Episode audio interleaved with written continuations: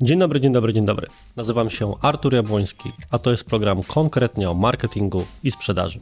Jestem konsultantem, edukatorem i właścicielem firmy konsultingowej oraz agencji marketingowej Digitalk. Pomagamy firmom sprzedawać więcej, promować się lepiej oraz poukładać swoje organizacje. W programie raz na tydzień dzielę się wiedzą i doświadczeniem na temat prowadzenia i promowania biznesu, zwiększania sprzedaży i skutecznego marketingu, bazując na przykładach z własnej codziennej pracy, projektach mojego zespołu, a czasami również zaproszonych gości. Jeżeli chcesz rozwinąć swoją firmę, wdrażając skuteczne i konkretne działania marketingowe i sprzedażowe, ten program jest dla Ciebie. Dzień dobry, dzień dobry, dzień dobry. Witam Cię w kolejnym odcinku mojego programu konkretnie o marketingu i sprzedaży. Dzisiaj po raz kolejny pojawił się gość, gość, którego newslettera bardzo zazdroszczę, ponieważ sam chciałbym prowadzić dokładnie taki newsletter na dokładnie takie tematy. Gościem tym jest Przemysław Gerszman, osoba, która e, pracuje jako finansista. Zajmował się doradzaniem najbogatszym Polakom, jak sam to mówi, ale ja osobiście określiłbym go również mianem erudyty, myśliciela, ponieważ tworzy newsletter bardzo głęboko mówiący o wartościach, o tym, jak być lepszym człowiekiem, jak żyć i porusza w nim tematy, bardzo często trudne, na pewno inspirujące. Stąd nasza rozmowa dotyczy de facto dwóch wątków. Jej pierwsza część, tudzież jedna z jej części, to właśnie historia powstania tego newslettera i rozmawiamy o tym, jak w ogóle wpada się na taki pomysł, skąd Przemek bierze inspirację, czy kto tak naprawdę takie treści czyta. I przede wszystkim, czy na takie ambitniejsze, długie, zamknięte gdzieś w formie newslettera treści poruszające trudne tematy w ogóle jest przestrzeń i zapotrzebowanie? Spoiler, okazuje się, że tak i całkiem spore. Natomiast druga część naszej rozmowy dotyczy szeroko pojętych pieniędzy, a raczej tego, jak budować i jak później multiplikować swój majątek. Jakie są strategie najbogatszych osób na to, żeby dorobiwszy się jakiejś kwoty, następnie pomnażać ją, jednocześnie nie wkładając już aż tak wiele czasu i po prostu zrywać owoce tego, co zrobiliśmy wcześniej. Nie przedłużając więc, zaczynajmy. Słuchaj, wyczytałem w Twoim biogramie na LinkedInie nie tylko. Rzecz, której nie mogę sobie pozwolić nie zacytować. Otóż napisałeś, mój drogi, że obiecujesz, że uzupełnisz szczegóły profilu na LinkedInie, jak tylko przeczytasz wszystkie książki, które masz na liście. Więc to mnie aż prosi się o pytanie, ile jest tych książek i kiedy to się stanie, bo wszyscy czekamy na ten uzupełniony biogram. Cieszę się, że ktoś doczytał do tego momentu, bo to jest tak, że no, trzeba kliknąć czytaj więcej, żeby, żeby faktycznie zobaczyć. To prawda. To jest trochę taka wymówka z mojej strony, bo, bo nie chciało mi się znaleźć czasu, żeby pilnować tych dat i, i wpisać faktycznie co, gdzie robiłem e, i gdzie pracowałem, ale ta lista jest, ta lista istnieje i generalnie ona nigdy nie zostanie przeczytana do końca, dlatego że do niej jakby dochodzą kolejne książki, dochodzą, dochodzą, a poza tym ja robię tak, że z tej listy książek takich wannabe, z tych książek, które chcę przeczytać, robię sobie hmm. też listę książek, które chcę przeczytać ponownie.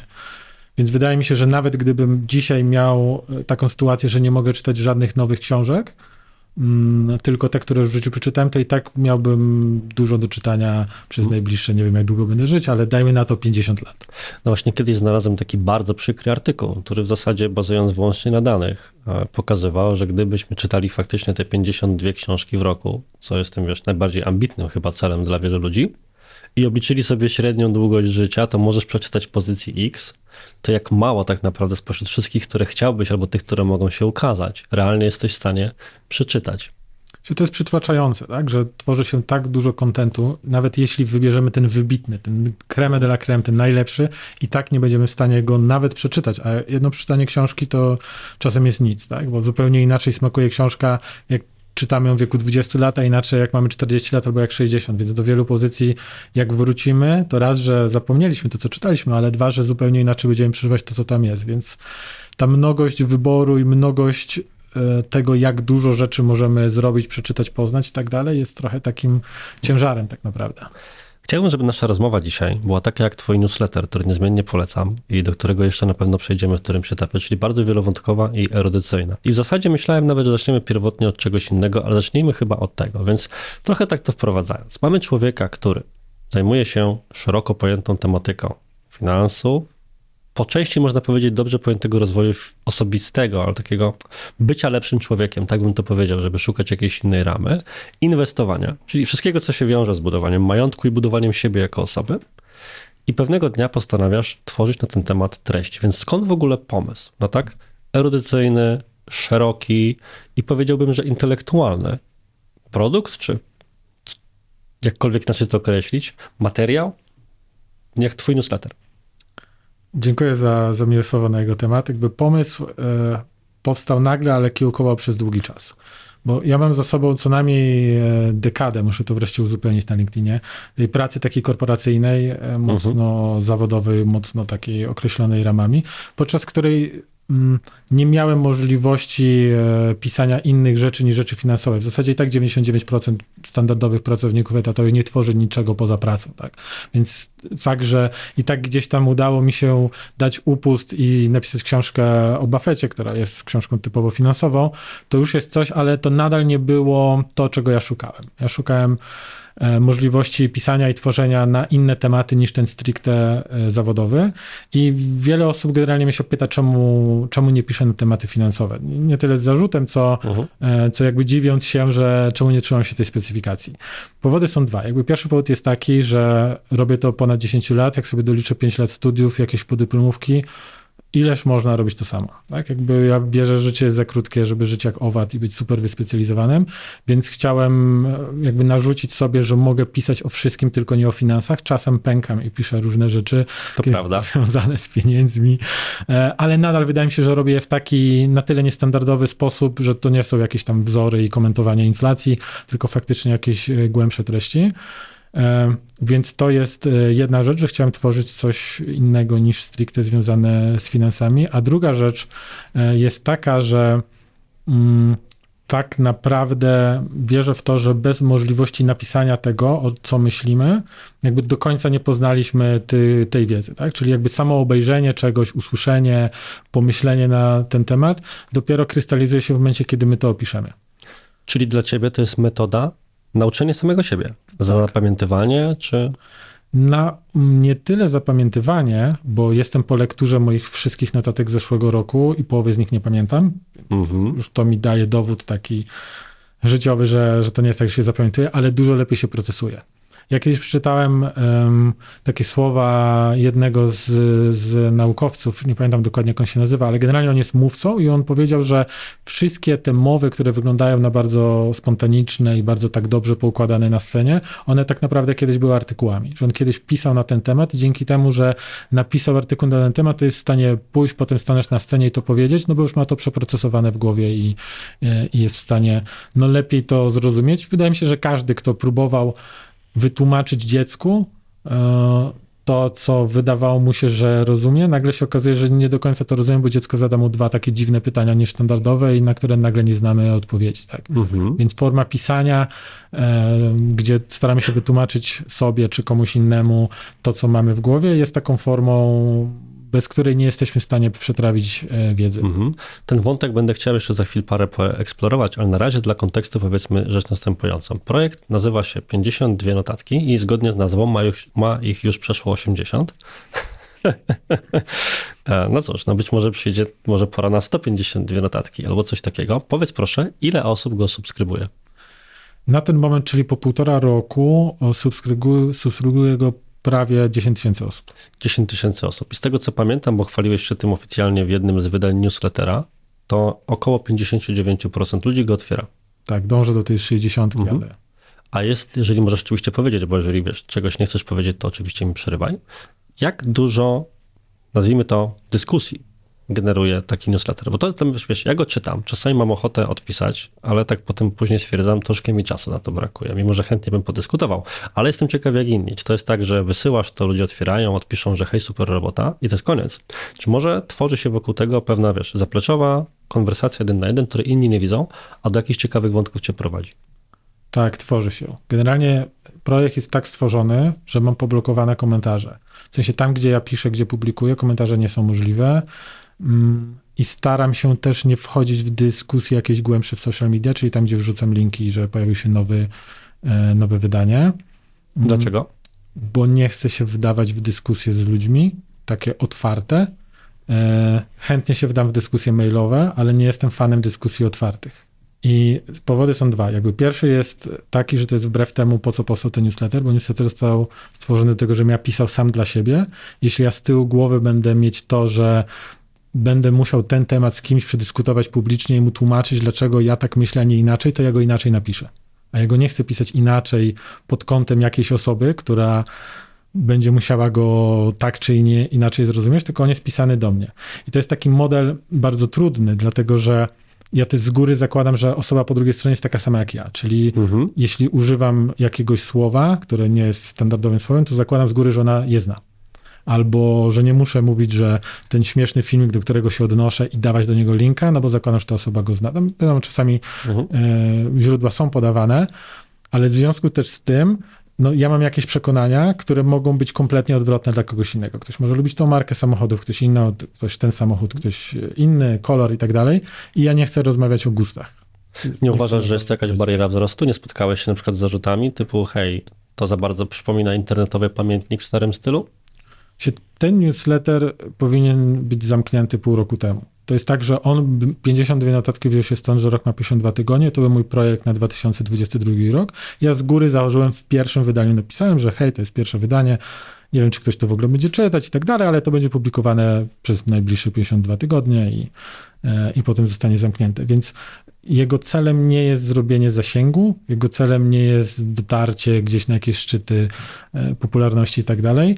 To, że on jest troszeczkę popularny, troszeczkę, tak bardzo delikatnie w skali całego internetu, jest dla mnie zaskoczeniem, bo nigdy nie szedłem w tym mhm. kierunku i gdybym szedł w tym kierunku, e, gdybym się starał, żeby on był popularny, to on mógłby być co najmniej 10 razy lepiej rozpoznawalny bez zmiany formy treści. Jakby sam fakt, że ja go nigdzie nie promuję, nigdzie nie wrzucam shortów, jakichś uh-huh. wycinków i tak dalej, tylko to z kolei by zaburzyło całą tą teorię, że ja piszę dla siebie, a nie po to, żeby gdzieś zbierać zasięgi w sieci.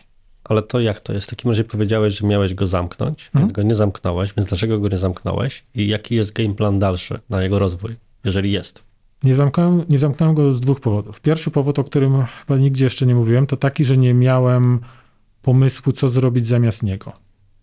I to jest trochę mój błąd z przeszłości, który ja staram się naprawić. Ja kiedyś, y, jak ćwiczyłem prawie 10 lat temu do maratonu, to jak skończyłem, przebiegłem ten maraton, nabijając przy okazji jakby setki kilometrów na treningach, stwierdziłem, że no dobra, to jest tak nudny sport i dodatkowo jak przebiegnę dwa maratony, to, to jest jakby, to nie jest 200%, tylko... Przebiegłeś jeden maraton, jakbyś przebiegł wszystkie, co najwyżej do, zmienia się lokalizacja. Dokładnie, czyli to jakby mam 100% realizacji celu, jak zrealizuję go jeszcze raz, to będę mieć 102% realizacji. To nie jest, że będę mieć mm -hmm. 200%.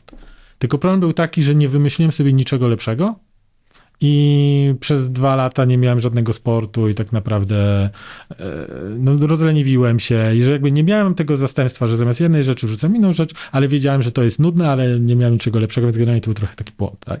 Więc tak samo tutaj. Mi się podobała ta forma publikowania online i ja chciałem publikować online. Miałem kilka propozycji, co też było ciekawe, e, z różnych gazet i portali, żebym dla nich pisał.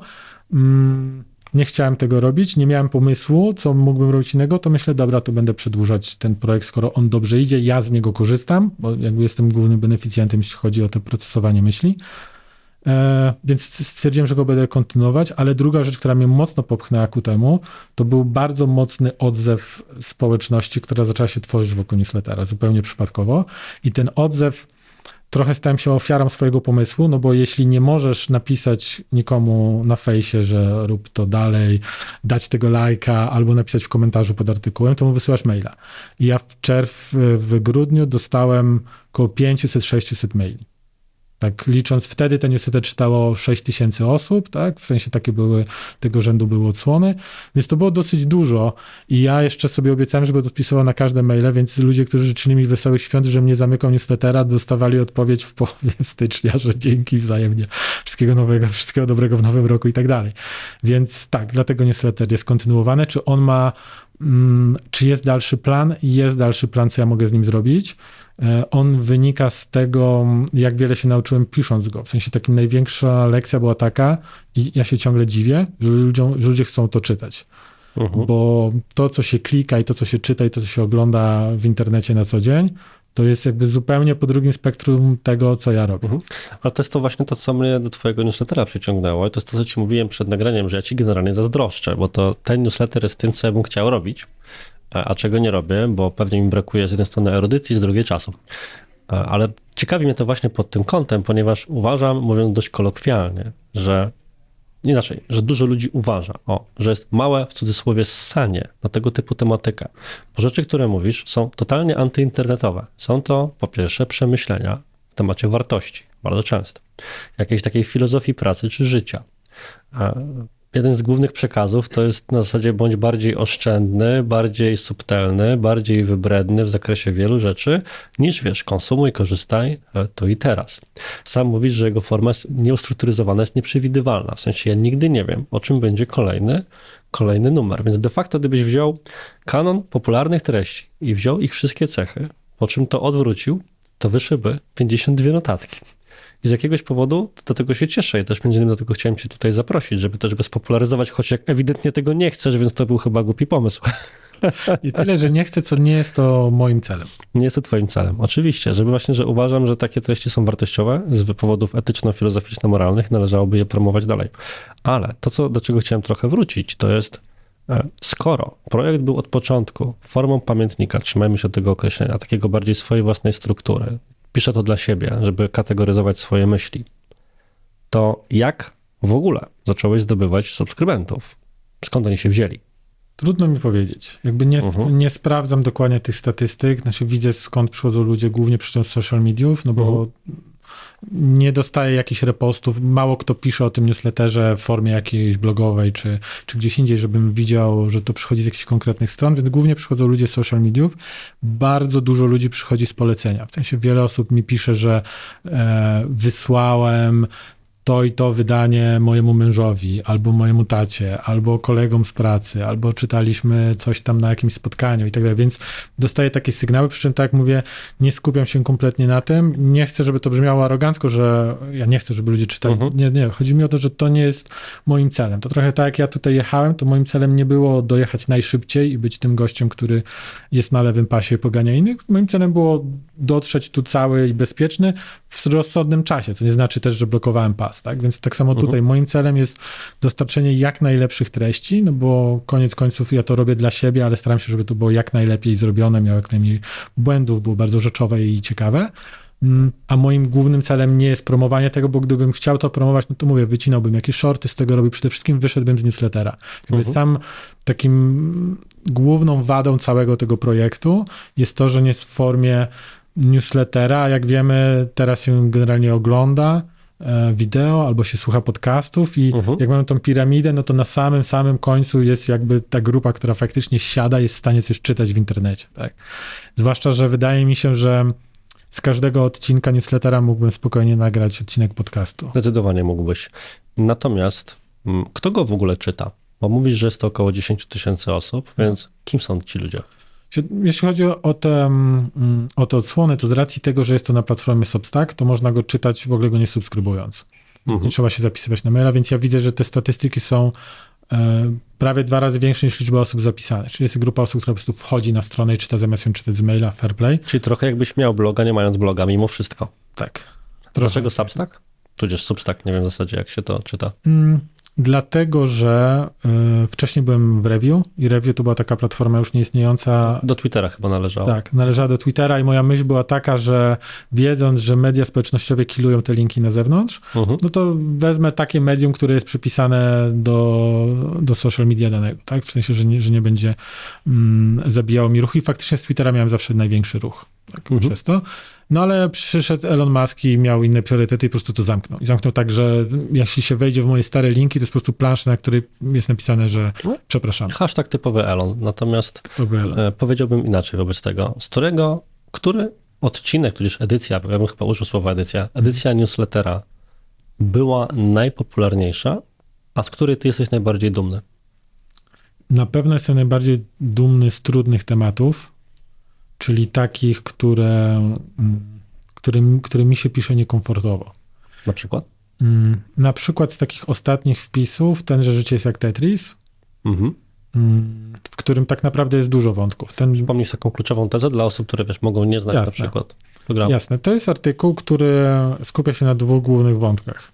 E, ten drugi wątek jest wyciągnięty do tytułu, bo jest bardziej sexy, czyli generalnie on polega na tym, że im jesteśmy starsi, to trochę tak jakbyśmy mm, grali dłużej w grę zwaną Tetris, czyli tą, w której te klocki spadają na dół. Jeśli mamy poziomo ułożony rząd, no to klocki znikają i nadal mamy przestrzeń, żeby je, je ustawiać i mhm. koniec końców ja po, porównuję tą grę do życia że nie da się wygrać w tej grze. Jakby koniec końców, w którymś momencie tych klocków będzie za dużo i jest game over. I tak samo jest w życiu, nie da się wygrać życia, no bo mamy kolejne cele, kolejne ścieżki, gdzieś tam wchodzimy coraz wyżej i celem obu gier jest granie jak najdłużej. Mhm. E, więc ja zacząłem porównywać życie... Mm, do Tetrisa, czyli jeśli mamy dobrze poukładane te klocki na samym początku, no to mamy dużą przestrzeń na kolejne i nawet jak w późniejszym wieku popełnimy błędy, a nie popełniliśmy ich takich karygodnych na samym początku, no to uda nam się to łatwiej wszystko poukładać, a im jesteśmy starsi, tak jak w Tetrisie, klocki lecą coraz szybciej. Więc musimy szybciej podejmować decyzje. To jest ta druga część artykułu, ta mm, taka lżejsza. Pierwsza część artykułu E, sprowadza się mm, do takiego cytatu, że każdy e, człowiek rodzi się jako wielu ludzi, ale umiera jako jeden. I generalnie mm, to jest trochę takie odwrócenie całego paradygmatu, bo choćby tak piszę w, w artykule, gdy idziemy do szkoły, no to zaczynamy z zerem, czyli jakby pierwszego dnia szkoły nikt z nas nie zdał.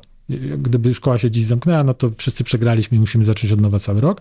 Podczas gdy można obrócić to do góry nogami i powiedzieć, że wszyscy na dzień dobry zdaliście, wszyscy macie szóstki czy jakoś maksymalnie. Stowarzyszenie Umarłych Poetów jest chyba na tym koncepcie oparte. Tak, to prawda. I my musimy po prostu do końca roku utrzymać to. Jakby to jest trochę mhm. na takiej, taka, filozo- taka życiowa filozofia, że lubię wszystkich, tylko wszyscy nie spieprzcie tego, tak? Na mhm. tej zasadzie, że tak. nie, nie, sprawdźcie, żebym ja was przestał no lubić, to jest w ogóle moja filozofia prowadzenia zespołu i firmy. W sensie każdy z definicji ma najwyższe możliwe zaufanie i nie chcę powiedzieć, że robi co chce, ale robi, e, on mi mówi, co chce zrobić.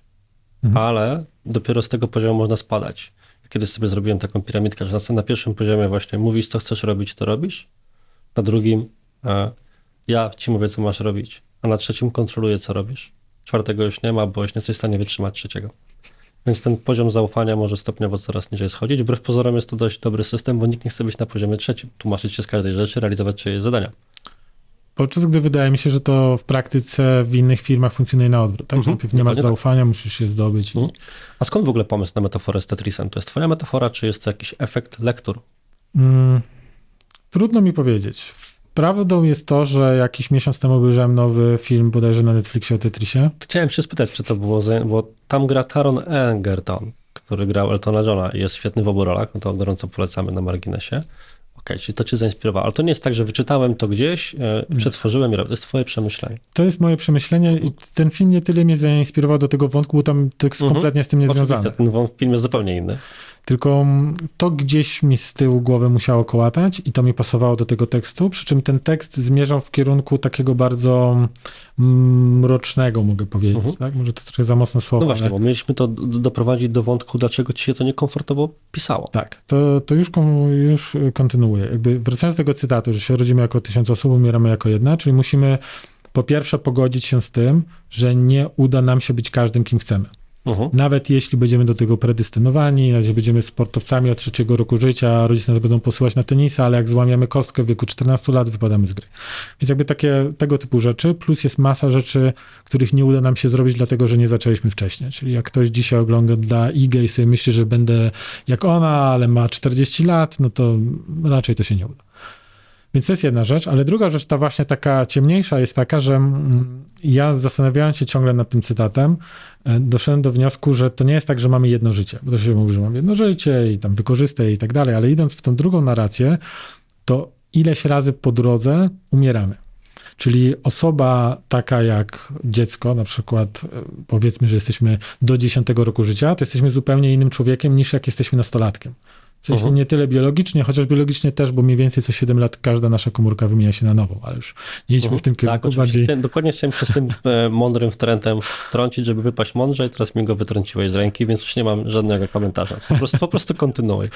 Tak, więc generalnie y, można w ten sposób powiedzieć, że na koniec życia, zakładając, że nie umarliśmy w żaden tragiczny sposób, mamy na przykład 60-70 lat, mhm. to nie umieramy po raz pierwszy, tylko ta ostatnia wersja, jakkolwiek ona będzie nas wyglądała, to jest ta ostatnia, która umrze i nie będzie po niej następna. To jest ciekawe, bo myślałem, że pójdziesz w innym kierunku. Nie wiem, czy kojarzysz te, to jest chyba wystąpienie Morgana Freemana na jakiejś tam Graduation Academy, tak, czy jakkolwiek się to na polski tłumaczy, w której on powiedział o takiej bardzo dojmującej wizji której e, najgorszym, co mogłoby cię spotkać, jest to, że kiedy umierasz, leżysz sobie już w trumnie, patrzysz do góry nad osoby nad tobą zgromadzone, ale nie są to twoi bliscy, tylko są te wszystkie twoje wersje rzeczy, które mogłeś zrobić, każdy twój niezrealizowany potencjał.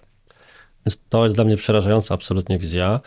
Wiem, że Adrian Gorzycki z Przygód Przedsiębiorców w swoim TEDxie też się właśnie posługiwał tym, więc chyba też go gdzieś tam to gniecie, mówiąc kolokwialnie od środka. Myślałem, że w tym kierunku pójdziesz. Natomiast powiedziałeś, że to był taki, który dla ciebie, kiedy poruszasz takie tematy, jest to niesamowicie satysfakcjonujące, no bo ciężko powiedzieć, że było to przyjemne doświadczenie. Tak natomiast czujesz takie poczucie, takim stoickim stylu, tak? Dobrze wykonanej pracy to było warte zachodu. Mhm. Natomiast czy jednocześnie, kiedy poruszasz takie rzeczy, to są to te, które ze zbudowaną mimowolnie i wbrew woli publiką najlepiej rezonują? Czy jest na przykład tak, że twoja publika, społeczność, jak zwał, tak zwał, reaguje lepiej na inne, które były takie, które na przykład właśnie spotkały się z największą responsą? Być może na przykład niektóre z nich nie spodziewałeś się, że będą tak poczytne. Mhm największa, e, największe zainteresowanie, największą właśnie tą responsywność przez mhm. to, że ludzie do mnie piszą, bo to jest w zasadzie jedna, jedyna metryka, która... Jasne, no, do tego, do tego się odniosłem, jak, jak dużą burzliwą dyskusję jeden na jeden to wywołało. E, tak, to najwięcej wywołują te najtrudniejsze tematy tego mhm. typu i zawsze to jest dla mnie duże zaskoczenie, bo wydaje mi się, że nikt nie chce czytać takich treści newsletter wychodzi w sobotę o 7 rano. Ja to tak widzę, że ktoś budzi się o 7 rano. Nie, sobota jest takim dniem, bardzo luźnym, zakładam większości ludzi, więc na spokojnie zaczyna sobie dzień i nagle jakiś gość w internecie ci mówi, że jakby umierasz wiele razy w życiu, że cię jest jak Tetris, jak ty spieprzysz w młodości, to będziesz mieć potem problem. Ja nie wiem, czy bym chciał zaczynać dzień z sobota od takich treści. Forma newsletterowego masochizmu. więc ja podziwiam każdego, kto, e, kto czyta regularnie rano, każdego, kto do mnie e, odpisuje, ale wracając do tego, co powiedziałeś o tym, że widzisz ten cały niespełniony swój potencjał, ja kiedyś też o tym wspominałem, przy czym wydaje mi się, że to jest ślepy zaułek, dlatego że nawet jeśli, bo jakby te, te całe porównanie z Morganem Freemanem trochę tak jest używane w internecie, że musisz umrzeć jako najlepsza możliwa wersja samego siebie, bo inaczej będziesz żałował, że ci się nie udało mhm. jej osiągnąć. Tylko problem jest taki, że mogłeś być najlepszym na świecie tenisistą, albo noblistą z fizyki, albo mogłeś być jeszcze kimś innym, że to nie jest tak, że na samym końcu jest tylko jedna możliwa najlepsza wersja, mhm. ale może gdybyś nie robił tego sportu, to byś był mistrzem w innym sporcie, albo nie, nie dostałbyś Nobla z fizyki, może byś dostał Nobla z literatury. Mhm. Więc na koniec dnia, na koniec życia i tak będziesz czuł ten żal. Co jest głęboko stoickim przemyśleniem. Swoją drogą, wątek, do którego będę chciał jeszcze nawiązać, bo jest mi to filozofia niesamowicie bliska i w ogóle bycie stoikiem to jest takie kopanie samego siebie, więc myślę, że stoicy czytają newsletter o 7 rano.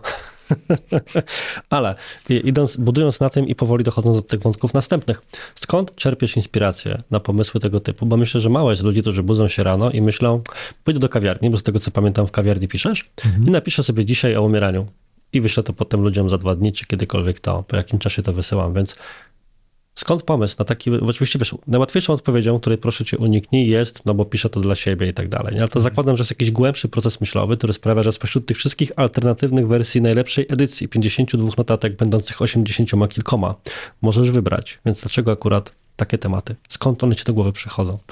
To mogę ci opowiedzieć takie case study, jak powstaje tekst, który w tym momencie jeszcze powstaje, ale niebawem będzie opublikowany. Mhm, dawaj. To jest tekst o tym, że żyjemy w cyfrowym średniowieczu. Mhm. Cały ten tekst zaczął się od tezy, którą ja mam w głowie od wielu, wielu lat, czyli że wszystko, co jest w internecie, to jest cyfrowy feudalizm. Czyli wszystko, co my robimy, to my pracujemy niczym chłopi w średniowieczu na polu, które nie należy do nas. Okej. Okay. I to jest taka jedna teza. Ja mogę rozwijać ją króciutko rozwinę, ale generalnie chodzi o to, że jeśli ja wrzucam zdjęcie z wakacji na Facebooka, to oddaję do niego prawa, jakby Facebook jest jego właścicielem i cały ruch, który wygeneruje to zdjęcie, albo jakaś fajna rolka, albo cokolwiek innego, to jest ta pańszczyzna, którą ja robię na polu Zuckerberga, Maska i kogokolwiek innego.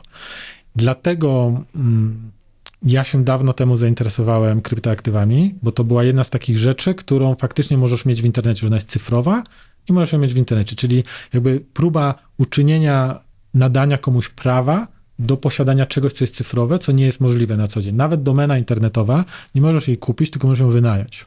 Tak, na rok, mhm. dwa, czy, czy jakiś tam czas. Więc od tego się zaczęło, od tej myśli. Potem zacząłem się zastanawiać, mm, No dobra, ale jakie są jeszcze przykłady? Bo to trochę za mało na cały tekst, tak? Żeby się skupić tylko na tym, bo muszę popłynąć w jakiś rejon. No właśnie, bo jakbym miał się wciąć, to dlaczego tym zaciekawiło? Bo e, ja sam się posługiwałem tym terminem, ale może w innym znaczeniu i może teraz uprzedzę twoją mądrą myśl, bo powiesz, że myślimy podobnie, bo czasami jak prowadzę warsztaty i schodzimy na wątek internetu, to mówię coś takiego, że ludzie za 30 lat będą patrzyli na obecny internet, jak na cyfrowe średniowiecze. Ktoś nieidentyfikowalny, fakty nie były sprawdzane, z automatu się publikowane, tak jak teraz Twitter trochę wprowadził, nie? Że od razu się pojawia komentarz zewnętrzny, każdy mógł powiedzieć, co chce. Nie było odpowiedzialności za słowa. Ja sobie wyobrażam przyszłość, w której masz taki scenariusz, że ktoś pisze coś obrażającego ciebie, on jest z automatu identyfikowany i dostaje mandat. Z automatu również. W zasadzie jest to możliwe do wprowadzenia. Oczywiście granice inwigilacji, które by to naruszało i takiej, wiesz, swobody jakiejkolwiek, to jest temat na osobną dyskusję.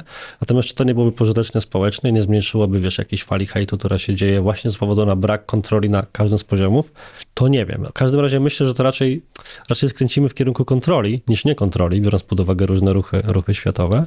I tak sobie ja w takim kontekście tego cyfrowego średniowiecza, którym się posłużyłeś, używałem. Więc teraz uwaga, czy to jest w jakiś sposób spójne z tym, czy ty w zupełnie innym kierunku idziesz? Jest spójne, mm, aczkolwiek ja mocno to rozszerzyłem w artykule. Tylko jeszcze komentując to, co mówisz, ja widziałem takiego mema, że było pokazane, że, że 10 lat temu mówiliśmy e, innym, żeby nie podawać swoich danych w internecie i żeby nie wsiadać do samochodu z Mhm. tymi, a teraz dosłownie przywołujemy obcych aplikacją, tak, Ubery i tak dalej i, i podajemy, więc, więc będziemy mieli takie koło, które... To uwaga, komentarz do komentarza jeszcze daję głos, ponieważ ja się bardzo cieszę, bo wreszcie nie jestem jedyną osobą, która w podcaście opisuje memy. Zawsze ludzie mówią, Artur, przestań opisywać memy, wrzućcie ten obrazek, a nie ty mówisz, że widziałeś takiego mema, w którym było coś. No to wreszcie nie jestem jedyny, zobaczcie, inni też tak robią. Jeszcze, jeszcze parę pewnie memów będzie Super. w trakcie. Wracając. Wracając do głównego wątku, więc ten cyfrowy feudalizm teoretycznie mógł być oddzielnym artykułem, tylko ja bym pewnie popłynął bardziej w stronę mm, tematów e, prawa własności w internecie, pieniędzy, no bo mam skrzywienie z racji branży, Mhm. w której jestem od lat, e, ale w pełni się zgadzam z tym, co mówisz, tylko dodam jeszcze kilka punktów. Kolejny punkt był taki, że mm, że m- wydawało nam się, że internet da nam pełną decentralizację, no bo każdy może tworzyć. Mhm. Kiedyś było tak, że chciałeś napisać gazetę, chciałeś, żeby ktoś się przeczytał, no to musiałeś mieć dużo pieniędzy, drukarnię i tak dalej, i tak dalej. No teraz teoretycznie, przez duże T teoretycznie, każdy może wystartować od zera w internecie, zacząć pisać i przyciągnąć dużo ludzi i konkurować z tradycyjnymi mediami. Podczas gdy no, w praktyce jest tak, że i tak główne media są w rękach kilku osób, czyli ten, kolejna branża, która się otworzyła, kolejny sektor gospodarki raptem po 20 latach, znowu jest centralizowany w rękach tam kilku osób, bez Mhm. e, pójścia w jakiś kierunek teorii spiskowych, tylko taki jest stan rzeczy. Generalnie internet to pole walki pięciu korporacji na krzyż. Dokładnie tak. I tak samo było w średniowieczu, czyli w średniowieczu miałeś różne największe państwa, potem były małe państewka, które nie mogły żyć same, być samowystarczalne, musiały się przyłączyć albo przynajmniej handlować z tymi dużymi. Tak my wszyscy możemy nie lubić social mediów, ale jak nie będziemy się tam pokazywać, no to koniec końców to w nas uderzy. Ale to w takim razie uważasz, że scenariusz, którym to się potoczy, będzie analogiczny do realiów historycznych, czyli w jakiś sposób się to po części zatomizuje, czy jednak dalej będziemy się trzymali tego, tych wielkich graczy? Już mówię, to jest, to jest w dalszej części artykułu, bo Okej. czy trzymajmy się, czy będę o tym mówił, tak? Że Dobra, dobra, dobra. Tak? Więc wymieniłem kilka takich rzeczy, wymieniłem e, influencerów, których porównuję jakby do arystokracji, tylko tej bezwartościowej arystokracji, która po prostu dobrze się bawi na koszt wszystkich innych, wszyscy naokoło klaszczą Mhm. i, i żyją tymi plotkami, że ta księżna z tamtym księciem i tak dalej. Dzisiaj jest dokładnie to samo. Kolejnym porównaniem e, do średniowiecza było to, że w średniowieczu główną atrakcją były publiczne egzekucje i chłosty pod pręgierzem. Dziś też uwielbiamy oglądać, jak ktoś coś sobie robi w internecie. Jak to nagramy, to oczywiście bez skrupułów to wrzucamy do internetu, uwielbiamy oglądać wypadki i tego typu rzeczy, więc te, te zachowania są bardzo podobne. Zaczęliśmy od cyfrowego feudalizmu i tego, że nie możesz nic w internecie mieć. Właśnie mi się skojarzyło, jak wyglądałoby śmiechu warte w wersji internetowej. Tadeusza Drozdy, jeżeli kojarzysz ten program lat Pamiętam. 90. No to, Pamiętam. to, jakie, to, to było takie oczywiście ok, boomer humor, ale w internecie to byłby niesamowity kanał. Ale dobrze, bo ja ci cały czas przeszkadzam w case study. Tak już mam. Więc zaczynając od jednego, bo trzymam się tego, że mówię, jak wygląda ten mój proces tworzenia Mhm. tekstu. Także mając jedną myśl w głowie, zacząłem sobie dodawać te kolejne, dodawać sobie te kolejne. I w tym artykule jest taki przerywnik, w którym ja mówię, że gdybym pisał sam dla siebie, to już bym puścił, bo do tego momentu jest wymienione 8, e, 8 tekstów, e, 8, e, 8 powodów. mm, dlaczego żyjemy w cyfrowym średniowieczu i gdybym pisał dla innych, bym pisał ten tekst dla innych, mhm. to wtedy już bym go opublikował, nic więcej bym nie dopisał. Tylko, że do tego momentu ten tekst jest dla mnie bezwartościowy. To jest tekst, w którym ja stwierdzam, że dzisiaj jest 30 stopni na zewnątrz, jest taka i taka temperatura, jest wiatr i tak dalej, ale to, to jest bezwartościowa informacja, bo ja nic z nią nie robię. Więc druga część artykułu jest o tym, co ja mogę z tym zrobić. I nim ja przeszedłem do tego, co ja mogę z tym zrobić, żeby oczywiście nie żyć w cyfrowym średniowieczu, to zacząłem um, się zastanawiać, czy ja, jak wyglądają zmiany epok. Znowu, zaczęliśmy od tego cyfrowego fenomenu, więc mhm. zacząłem się zastanawiać i doszedłem do wniosku, że to nie było tak, że ktoś w którymś roku wyszedł z dzwonkiem i ogłosił, że mamy renesans. Albo że ktoś zakończył uh -huh. e, starożytność, powiedział od tej pory wchodzimy w kolejną epokę, drodzy Państwo, proszę zmienić zwyczaje, zachowania, kulturę, bogów i tak dalej. No ten proces się dział i dopiero historyk to widział. Dopiero mógł powiedzieć, och, to był moment, który możemy -huh. uznać za koniec jakiejś epoki. Więc jednocześnie, dlaczego to jest ważne? Że jednocześnie mieliśmy ludzi, którzy żyli jeszcze w średniowieczu i ludzi, którzy już żyli w renesansie. To nie jest tak, że wszyscy się przenieśli z pociągu A do pociągu B. No, część uh -huh. ludzi ciągle tkwiła w innej epoce. Jest to sławne powiedzenie, że jakby przyszłość już tu jest, tylko nie jest równo rozdystrybuowana. Więc y, część ludzi używa internetu nie do zabaw y, jak w średniowieczu i oglądania tego typu rzeczy, tylko używa go do celów pożytecznych. Ja i ty możemy wejść na YouTube'a ja mogę oglądać jakieś straszliwe głupoty, które mają miliony e, obejrzeń, ty możesz oglądać wykłady fizyków. Ja to podsumowuję w ten sposób, że jak ktoś mówi, że Facebook jest głupi, to ja mówię, każdy ma takiego Facebooka, na jakiego zasłużył. Mój jest na przykład bardzo mądry i wyskakują tam raczej rzeczy, nad którymi mam kontrolę. Jest kwestia higieny pracy z social mediami.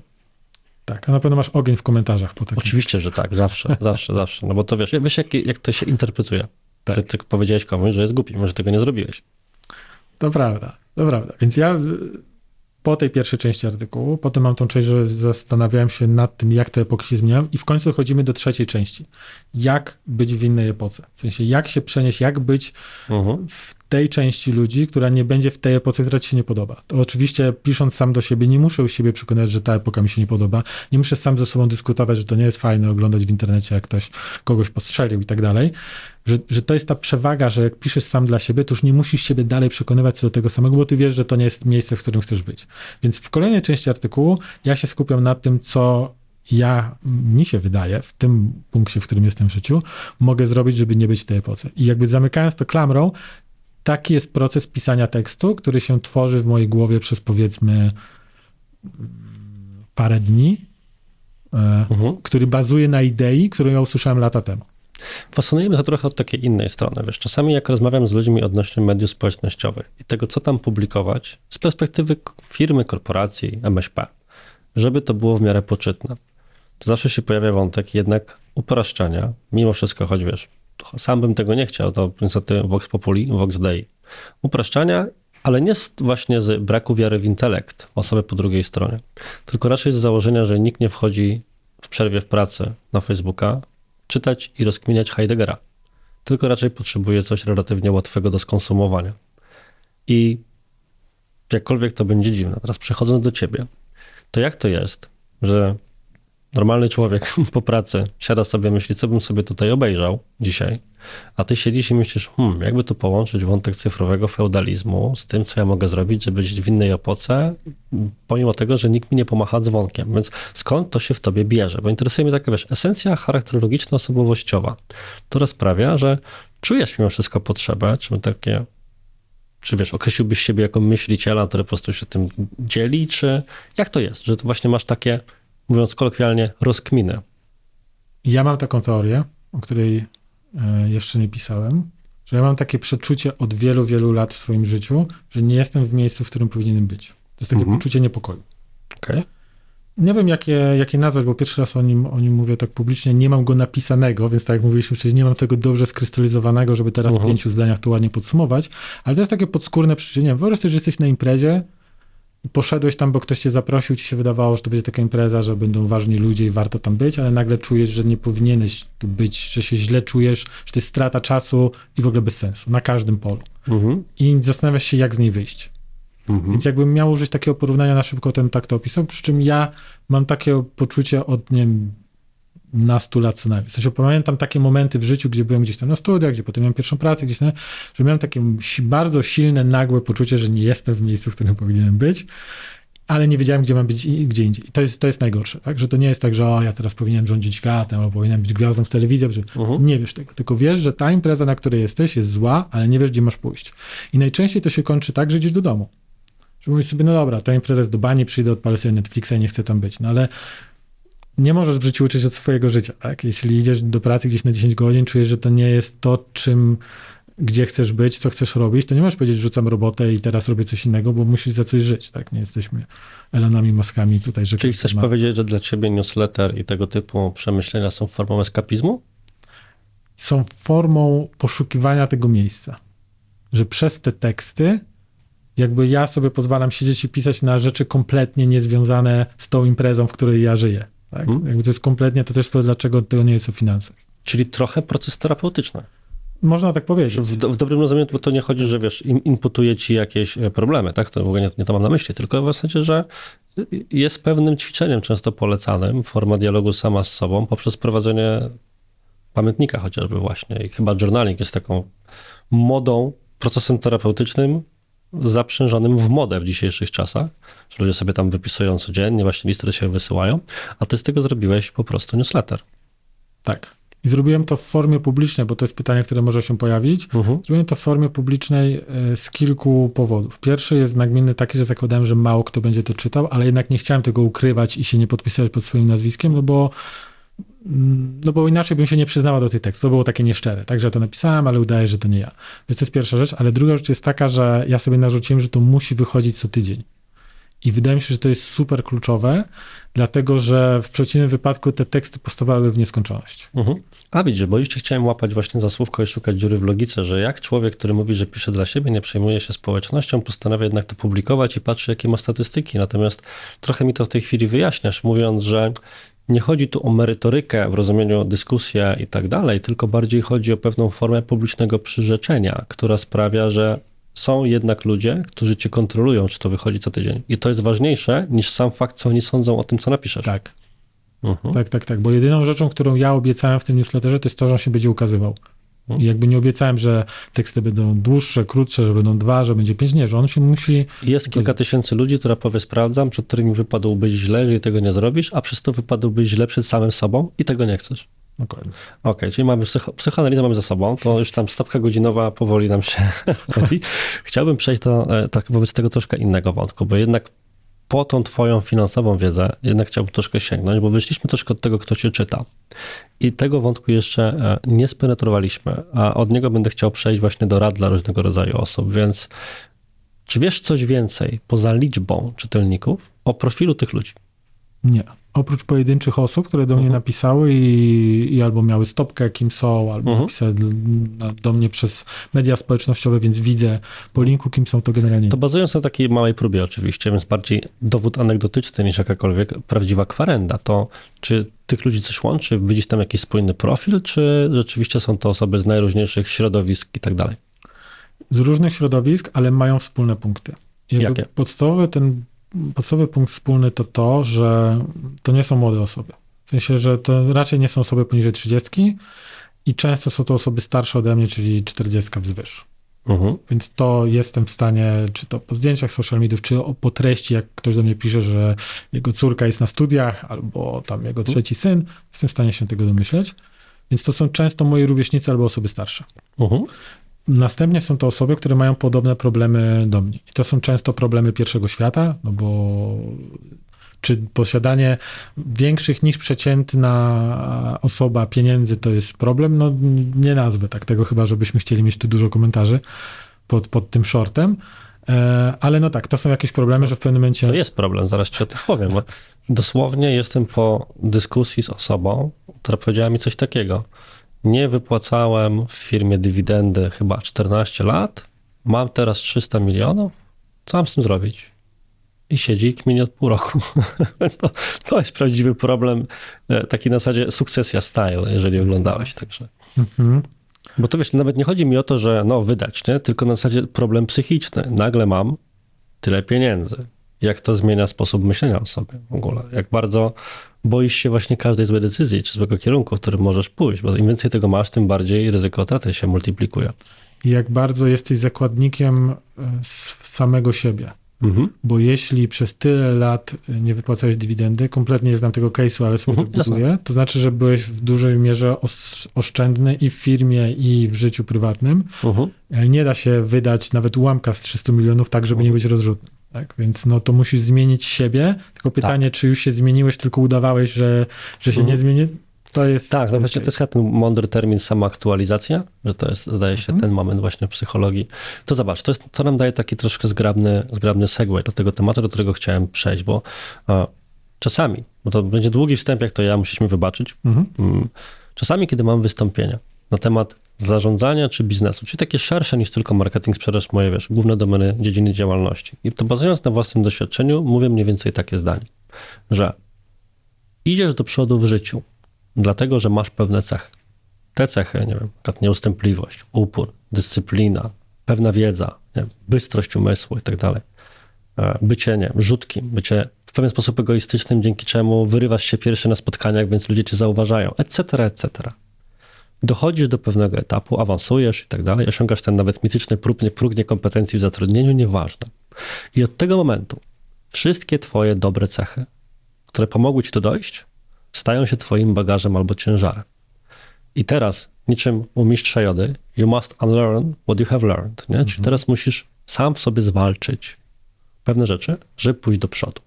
To jest taka ogólna rama tej konwersacji. Teraz uwaga, jedna nitka, którą będę chciał eksplorować. I biorąc pod uwagę Twoją ekspertyzę finansową i trochę z własnym doświadczeniem, to myślałem, że dałoby się to połączyć w ten sposób. Otóż wielu przedsiębiorców, szczególnie takich, wiesz, self-made menów, jak to mówią, dochodzi do dużych pieniędzy, definiując duże w sposób dowolny, jaki ktoś chce, niech to będzie chociażby kilka milionów, nie wiem, oszczędności czy przychodu firmy, co za tym idzie, jakaś tam sensowna zyskowność i umie zarabiać pieniądze.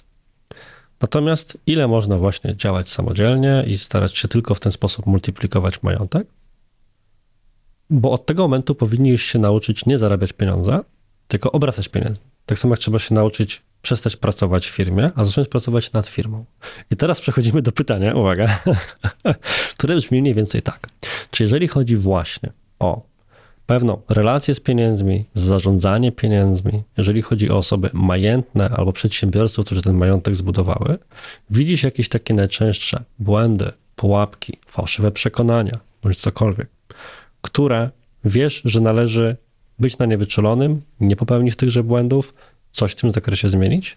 którym mógłbyś się podzielić, więc na razie rama dość szeroka, możemy pójść w różnych kierunkach, ale bardzo zależało mi na tym wstępie, że generalnie jest, idziemy trochę w kierunku zarówno finansowym, ale może też odbiłbyś do innego, co należy przestać robić i zacząć robić innego albo wręcz na, na opak, na początek w kontekście finansów, a dalej może w kontekście tematyki twojego newslettera również innych, mhm żeby pójść o krok dalej i być lepszym człowiekiem, skuteczniejszym przedsiębiorcą i tym podobne. I to było prawdopodobnie najdłuższe pytanie, jakie kiedykolwiek zadawałem. Ale słusznie, słusznie, że doprecyzowałeś, bo ten temat jest bardzo szeroki. I gdybym miał zacząć od takiej węższej jego części, mm, no to jest tak, że jakby siłą rzeczy musimy się zmieniać. Tak? Że musimy się zmieniać, musimy być przygotowani na tą zmianę, um, dlatego że no, pójście z 0 do 1 a potem z 1 do 10, to zupełnie jest inna droga, inne metody i tak dalej. Używam mhm. tego porównania Zero to One książki Petera Thiela. Mm, I ja mam z tyłu głowy, bo jedną z cech mojego newslettera jest to, że ja piszę kilka artykułów naraz. Czasami kończę artykuł, który zacząłem pisać dwa miesiące temu i to jest artykuł, którego jeszcze nie skończyłem pisać, ale mam taki artykuł, w którym piszę właśnie na, na ten temat. Tylko bardziej trzymam się świata finansów i tego, jak uh mhm. -huh. zmienia się twoje życie, im więcej masz pieniędzy. E, I piszę go na przykładzie rakiety. Czyli jakby twoją misją jest wysłać rakiety, dajmy na to na Marsa razem z Maskiem i te etapy budowania tej rakiety, nim ona tam poleci, są zupełnie inne. Czyli zupełnie co innego trzeba zrobić, żeby stworzyć projekt rakiety, czyli ją sobie zaplanować. Zupełnie inne osoby wtedy zarabiają, na co innego wydajesz. Potem ten moment, który musisz dowieść paliwo ciężarówkami, jakimś rurociągiem i tak dalej, to jest zupełnie inny moment. Moment startu to jest ten moment, kiedy musisz najwięcej tego paliwa spalić, robić dużo dymu i tak dalej, a potem musisz pilnować, żeby ta rakieta trzymała kurs i znowu jest zupełnie, zupełnie coś innego. Więc jeśli ktoś myśli, że całe życie polega tylko na tym jednym etapie, jednym tym, no to albo zostaje wiecznym studentem, no bo kolejny raz odpada i szuka nowych studiów i nie może znaleźć dobrej pracy, więc stwierdza, że to złe studia i, i szuka i zostaje gdzie się tam zakręca w tym miejscu. Albo na przykład wpada w tą pułapkę średniego dochodu, że niby go stać na Egipt na dwa tygodnie, ale tylko na dwa tygodnie i że fajnie, że all inclusive, ale na koniec dnia no, musi sprzedawać swój czas cały czas i nawet gdyby miał więcej pieniędzy, to by nie mógł dwa razy w roku pojechać na, e, na wakacje. No i jakby jest kilka tych etapów, tak jak w tej rakiecie. I potrzeba zupełnie innego skillsetu, a co gorsze, zupełnie innego fokusu na, e, na zupełnie inne obszary, zależnie na tym, na którym etapie jesteśmy. Mhm. To w zakresie budowania tak szeroko pojętego majątku, mhm. bo to jest coś, co może być wspólne, zarówno jeżeli ktoś to nas słucha, jest przedsiębiorcą, jak i nie. To jakie byś powiedział są najważniejsze 3 do 5 cech bądź umiejętności czy działań na tym etapie 0 do 1 mhm. kontra 1 do 10, czyli tego pierwszego jakiegoś większego momentu zmiany, gdzie trzeba przestawić też i myślenie, i działania. 0 do 1 jest super prosty. Tylko jakby 99% ludzi nie przechodzi tego etapu. Okej, okay, to dawaj. Ja lubię takie rzeczy, które są proste, ale niełatwe. Dokładnie tak, że 0 do 1 jest super prosta, bo są konkretne zasady, które są sprawdzone przez całe generacje ludzi i mamy dowody na to, że to działa. To jest, to jest prosta część, czyli e, żeby w miarę zbudować jakąś podstawową niezależność finansową, to musimy być oszczędni, pilnować inflacji życia, żeby ona nie rosła nam wraz z naszymi zarobkami, żebyśmy więcej nie wydawali. E, czyli coś, co jakby zabijało nas od e, tysięcy lat. Tak Harari u siebie pisał, że jakby komfort jest największym wrogiem jakby człowieka, bo ciągle przez to, że chcieliśmy mieć bardziej wygodne łóżko, mhm. nie musieć pracować albo mieć bardziej wykwintne jedzenie, no to wydawaliśmy więcej pieniędzy, ciągle musieliśmy pracować, pracować, walczyć z innymi, okradać, ginęliśmy przez to i tak dalej. To każdy... Zresztą jest taki cytat, jakoś nie pamiętam z kogo, że nic nie, żadne, żadne aktywo nie nabywa wartości równie szybko, jak rosną oczekiwania względem jakości własnego życia. Dobre to jest. Dobre, neznám.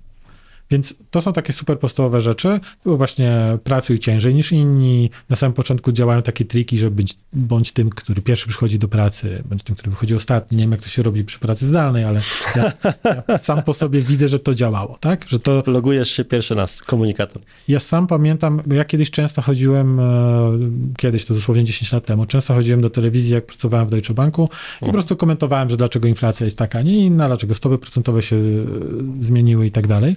I ja zacząłem... Na początek trzeba dać się zauważyć. Trzeba być bardziej robotnym i dać, dać to też zauważyć, bo co innego być robotnym, ale jak nikt tego nie widzi, czyli jak drzewo spada w lesie, ale nikt tego nie słyszał, to w zasadzie czy ono spadło. Dokładnie tak, tylko czasami może być tak, że jest tak dużo osób, które pilnuje, żeby, żeby one to zgarnęły, tak? I, i mhm.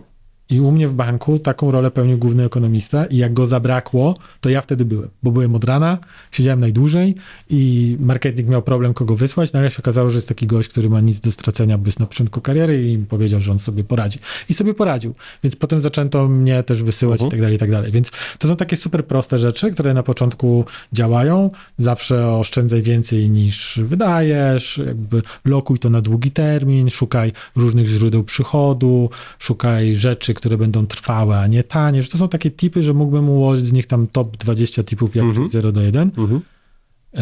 no i jak pewnie wiesz, A dlaczego tam... ludzie tak nie robią? Bo też się prosi o pytanie, bo, wiesz, bo to e, de facto w prawie, że każdej dziedzinie, której ja się zajmuję, sprzedaż, marketing, zarządzanie projektami, gdzieś tam kwestia rozwoju biznesu, jego układania, jest, wiedza jest, ludzie wiedzą, co robią, co powinni zrobić i tego nie robią. I mnie zawsze fascynuje, dlaczego. O ile jestem w stanie zrozumieć pewne rzeczy, to powiesz, chaos organizacyjny, który nie pozwala ułożyć procesu, bo mimo, że ty sobie go ułożyłeś, to jesteś zależny od osób, które sobie ich nie ułożyły i tak dalej, i tak dalej. O tyle w kontekście właśnie tych rzeczy, gdzie jesteś sam sobie sterem, żeglarzem i okrętem. Czyli tego kwestia, że chcę mieć coraz więcej pieniędzy, więc powinienem odkładać dużo więcej niż do tej pory odkładam, czyli ściąć sobie pewne swoje przyjemności i wiem to i tego nie robię. To jest trochę jak siłownią, nie? Każdy wie, że powinien ćwiczyć, ale nie ćwiczy. Najlepszym przykładem jest przebiegnięcie maratonu. Jakby, żeby przebiec maraton, jeśli jesteś w miarę zdrowym człowiekiem i masz tam powiedzmy 30 lat, czy jesteś uh -huh. w tym swoim prime, wystarczy ćwiczyć 3 razy w tygodniu przez 4 miesiące i wiem, bo sam to zrobiłem. Jakby z ulicy przebiegłem maraton po raptem 4 miesiącach treningów. Teraz, 10 lat później, to by było trochę... Wszyscy cię znienawidzą, jak to teraz puszczę. Ja to wytnę w rolkę. Na pewno ten fragment pójdzie. Będę miał popularność na grupach dla biegaczy. Nie ma problemu. Jakby mogę zdjęcie medalu pokazać, jak ktoś chce i zapisy treningów w Nike Plus, więc... E, więc to jest coś bardzo prostego do zrobienia. Tam nie potrzeba jakiejś filozofii, kosmicznych butów i super sesji treningowej, pod warunkiem, że jesteś zdrowy i młody, bo to, to, są, uh mhm. -huh. to są dwa ważne e, warunki. No to ja nie pobiegnę.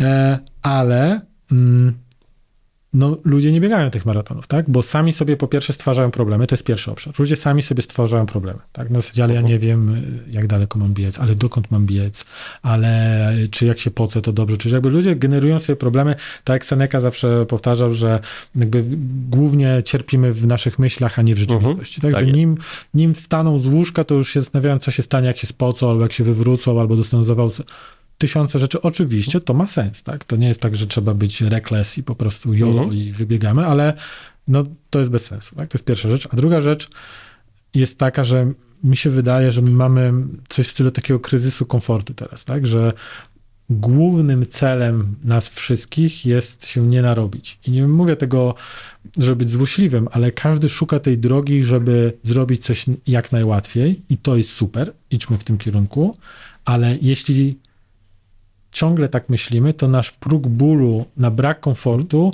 jest bardzo niski. Powiedziałbym, że jest różnica między jak zrobić coś łatwo i szybko, a jak zrobić coś łatwo i szybko bez wysiłku i większość ludzi chciałoby to drugie. Natomiast da się coś zrobić łatwo w rozumieniu za pomocą jakiejś ścieżki, da się coś zrobić szybko, tylko na przykład trzeba ciężej zasuwać. Tak. tak. A jednak większość chciałaby zrobić coś bezproblemowo. Tak, i dlatego ja mam taki tekst, który się nazywa W poszukiwaniu dyskomfortu. Że z mhm. racji tego, że moje życie jest tak już ułożone, że ja tego dyskomfortu mało narzuconego z góry, czyli już nie muszę tak na studiach wstawać o 5 rano, żeby dojechać pociągiem na zajęcia, które są o 9 i tak dalej, że nie mam tych takich narzuconych przez życie dyskomfortów. Wystąpienia publiczne nie sprawiają mi takiego dyskomfortu, bo już mam to przećwiczone i tak dalej, i tak dalej. No sam go w jakiś sposób zaczynam szukać, tak? Bo myślę sobie, że jeśli przyjdzie ten dyskomfort, bo kiedyś jakby ta sinusoida się odwróci i choćby z racji wieku moje życie stanie się trudniejsze fizycznie, mhm. bo stracę pieniądze, bo cokolwiek się wydarzy, to ja nie będę na to gotowy, tak? Bo, mhm. bo jestem oduczony tego dy dyskomfortu. Tak? Mhm. Nawet taki case, jak wracałem ze Stanów w zeszłym roku, to zacząłem się wkurzać na to, że w tym locie jest tak strasznie mało miejsca, tak? Że, mm, że, że no nie mieszczą mi się te nogi, tak jest, myślę, że następnym razem albo dopłacę horrendalnie więcej do tej strefy biznes, albo po prostu nie polecę na zasadzie, że że tak ciężko się leci, tak? I to jest trochę tak, jak było w tym serialu The Last of Us, że gdy mm, postacie teraz opisujemy memy. Więc Cudownie. Gdzie główni bohaterowie ze sobą rozmawiali, czyli ta dziewczyna razem z, z jej opinią. Joel z Ellie. A, okej, okay. czyli wszyscy, wszyscy grali, wszyscy, e, wszyscy oglądali. No to ona się go pyta, że wow, jak to, latałeś samolotem, tak? I gdzie, gdzie, gdzie byłeś? Także dla niej to było niesamowite, że mogłeś latać samolotem, być gdzie chcesz. No i on właśnie zaczyna marudzić tak jak ja że mm, ale wiesz co, było tam mało miejsca w środku, było ciasno, bilety były drogie, wciskali jakieś mhm. perfumy między tym. No to była taka zszokowana, no ale, ale przecież mogłeś być gdzie chcesz, tak?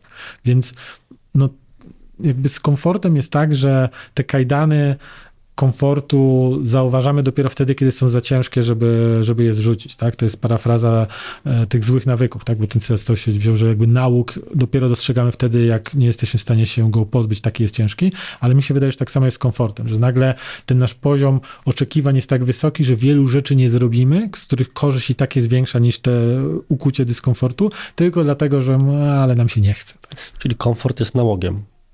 Komfort jest komfort jest nałogiem i jest trochę taką zarazą, która rozprzestrzenia się między ludźmi, że ja chcę z kolegą gdzieś pojechać, a ten kolega mi powie, że nie, ale to są kiepskie hotele, ale tam jest gorąco, ale nie, lepiej zostać w domu, mhm. oglądać Netflixa. Więc raz, że on się rozprzestrzenia między ludźmi i on...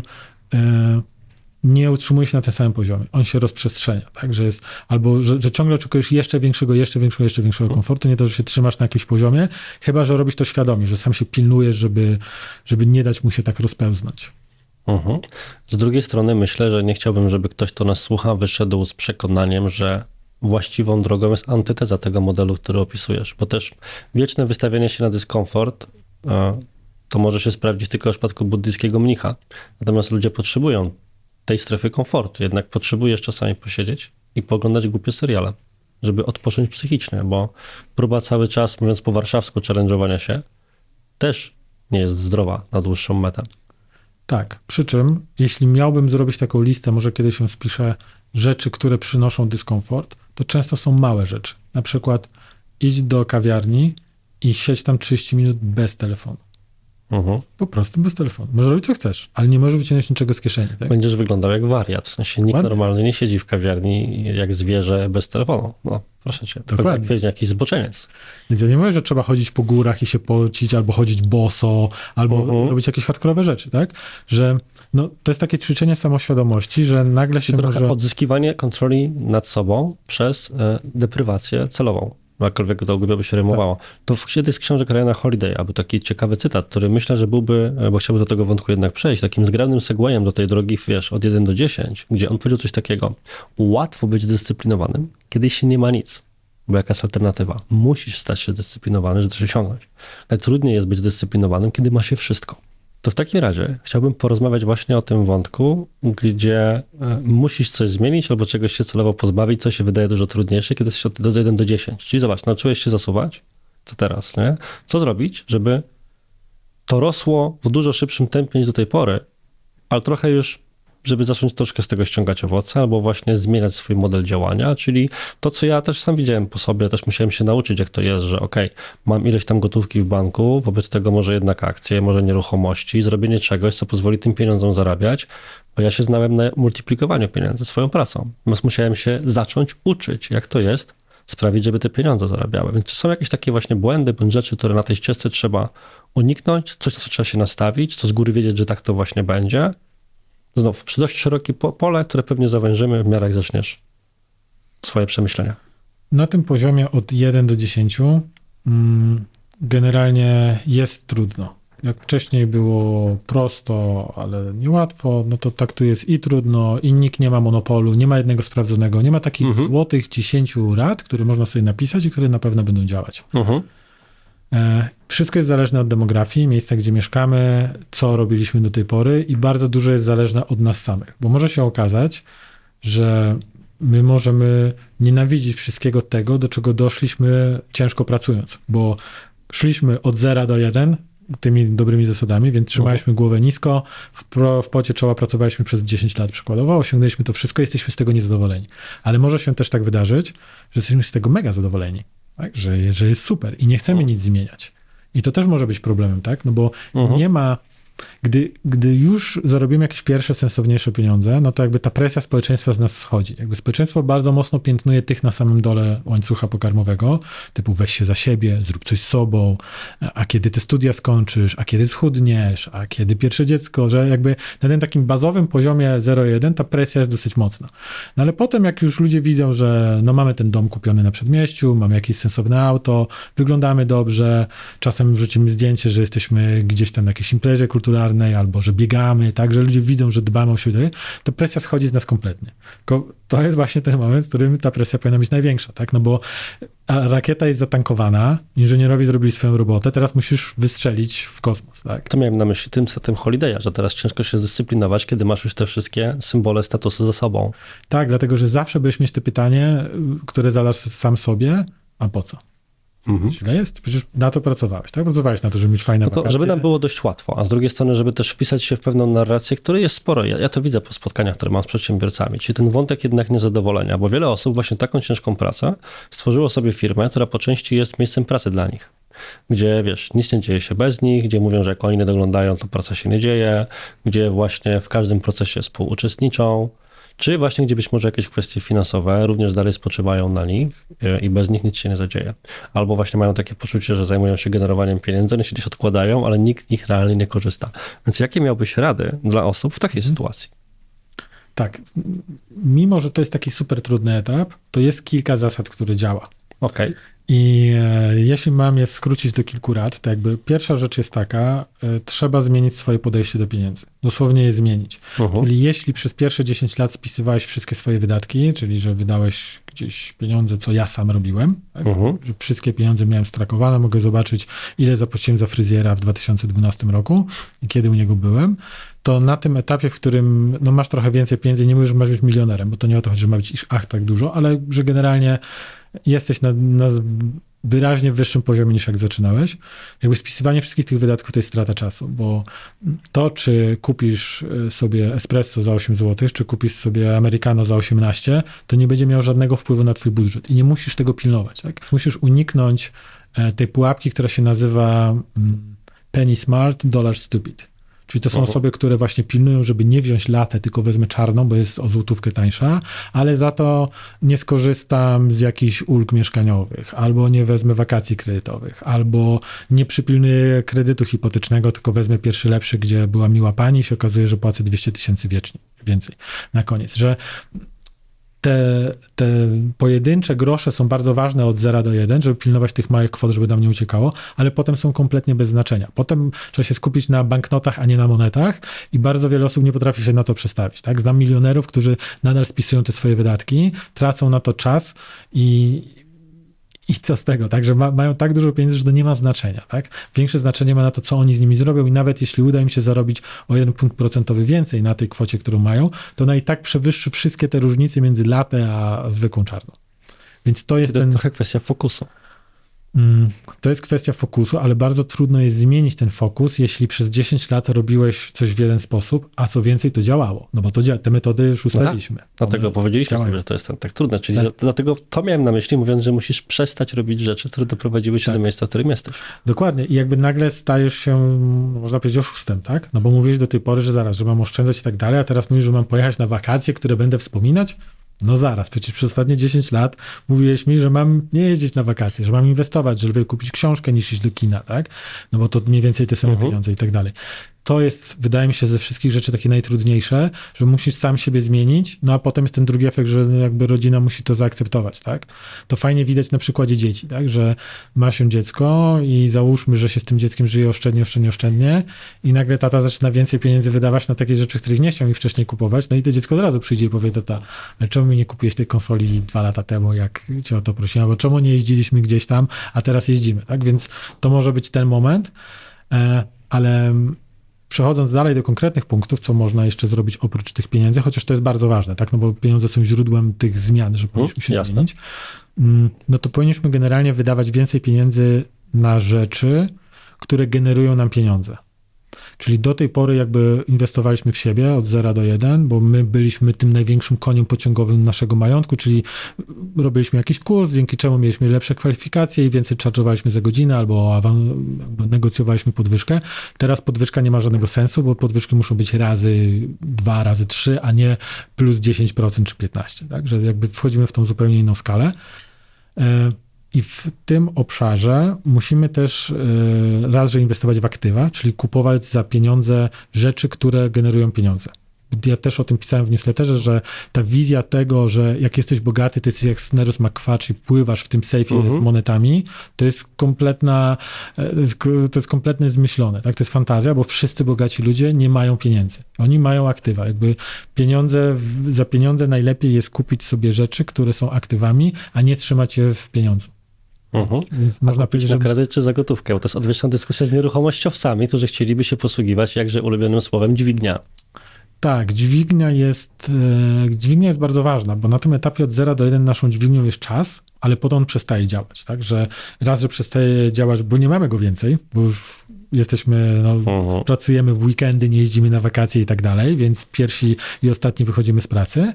Em, No ale też problem jest taki, że my nie możemy non stop pracować, jakby fizycznie, nawet jakbyśmy chcieli, no to fizycznie za 10 lat, czy ja, czy ty nie będziesz w stanie pracować tak długich godzin jak teraz i musisz się Mhm. na to przygotować, bo jeśli byś pracował krócej, a zarabiasz tylko, gdy pracujesz, no to będziesz zarabiać mniej.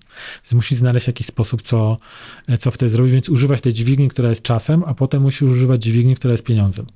I problem z tym jest taki, że na początku ta dźwignia nie działa. Czyli w sensie działa, ale nie widać efektów. Czyli jak ja pójdę jako student do swojej pierwszej pracy, to jest impreza w dniu wypłaty, wszyscy się cieszą, że jakby widzisz natychmiast owoce swojej, Mhm. swojej pracy. Widzisz, że dźwignia działa. Natomiast jeśli weźmiesz 100 tysięcy złotych i spróbujesz coś za to kupić, co ma ci generować jakieś przychody, no to powiedzmy, że taka zdrowa wypłata dywidendy w w dzisiejszych czasach to jest tam 6-7%, tak? Czyli dostaniesz na koniec roku ze 100 tysięcy 6 tysięcy Czy takie obligacje skarbowe byś postanowił kupić? Dokładnie. Dokładnie tak. Więc kupujesz te obligacje i sobie myślisz, o rany, tak? To, to przecież to potrzeba dziesięciolecia, poza tym tam jest jeszcze podatek prawie jedna piąta, Mhm. więc, więc to nie jest takie seksy jak ta pierwsza praca i ta kolejna stówka, która Mhm. stanowi na przykład 20% twojej wypłaty, że widzisz, że masz I więcej. to jest chyba bariera dla wielu, wbrew pozorom ludzi, którzy dobrze zarabiają, bo jeżeli ktoś sobie zobaczy na przykład, załóżmy mam milion, którego zarobienie zajmuje mi, załóżmy rok, a teraz miałbym zarobić milion poprzez obligacje, to ile musiałbym włożyć w obligacje, żeby ten milion w takim czasie mieć? Jest to praktycznie nieosiągalne. Dokładnie. Więc wobec tego to może ja będę dalej nawalał jeszcze więcej, jeszcze więcej, jeszcze więcej, zamiast tutaj myśleć, jak te ekwiwalent sojowej latę w kontekście budowania majątności poprzez aktywa robić.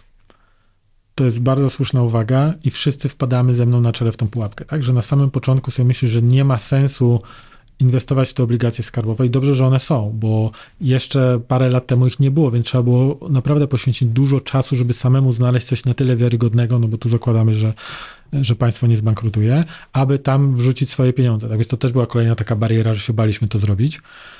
E więc to, że nagle musisz poświęcić znowu dużo czasu, żeby się od czegoś nauczyć i masz bardzo małą gratyfikację z tego na początku, zniechęca 99% ludzi do tego. Tak?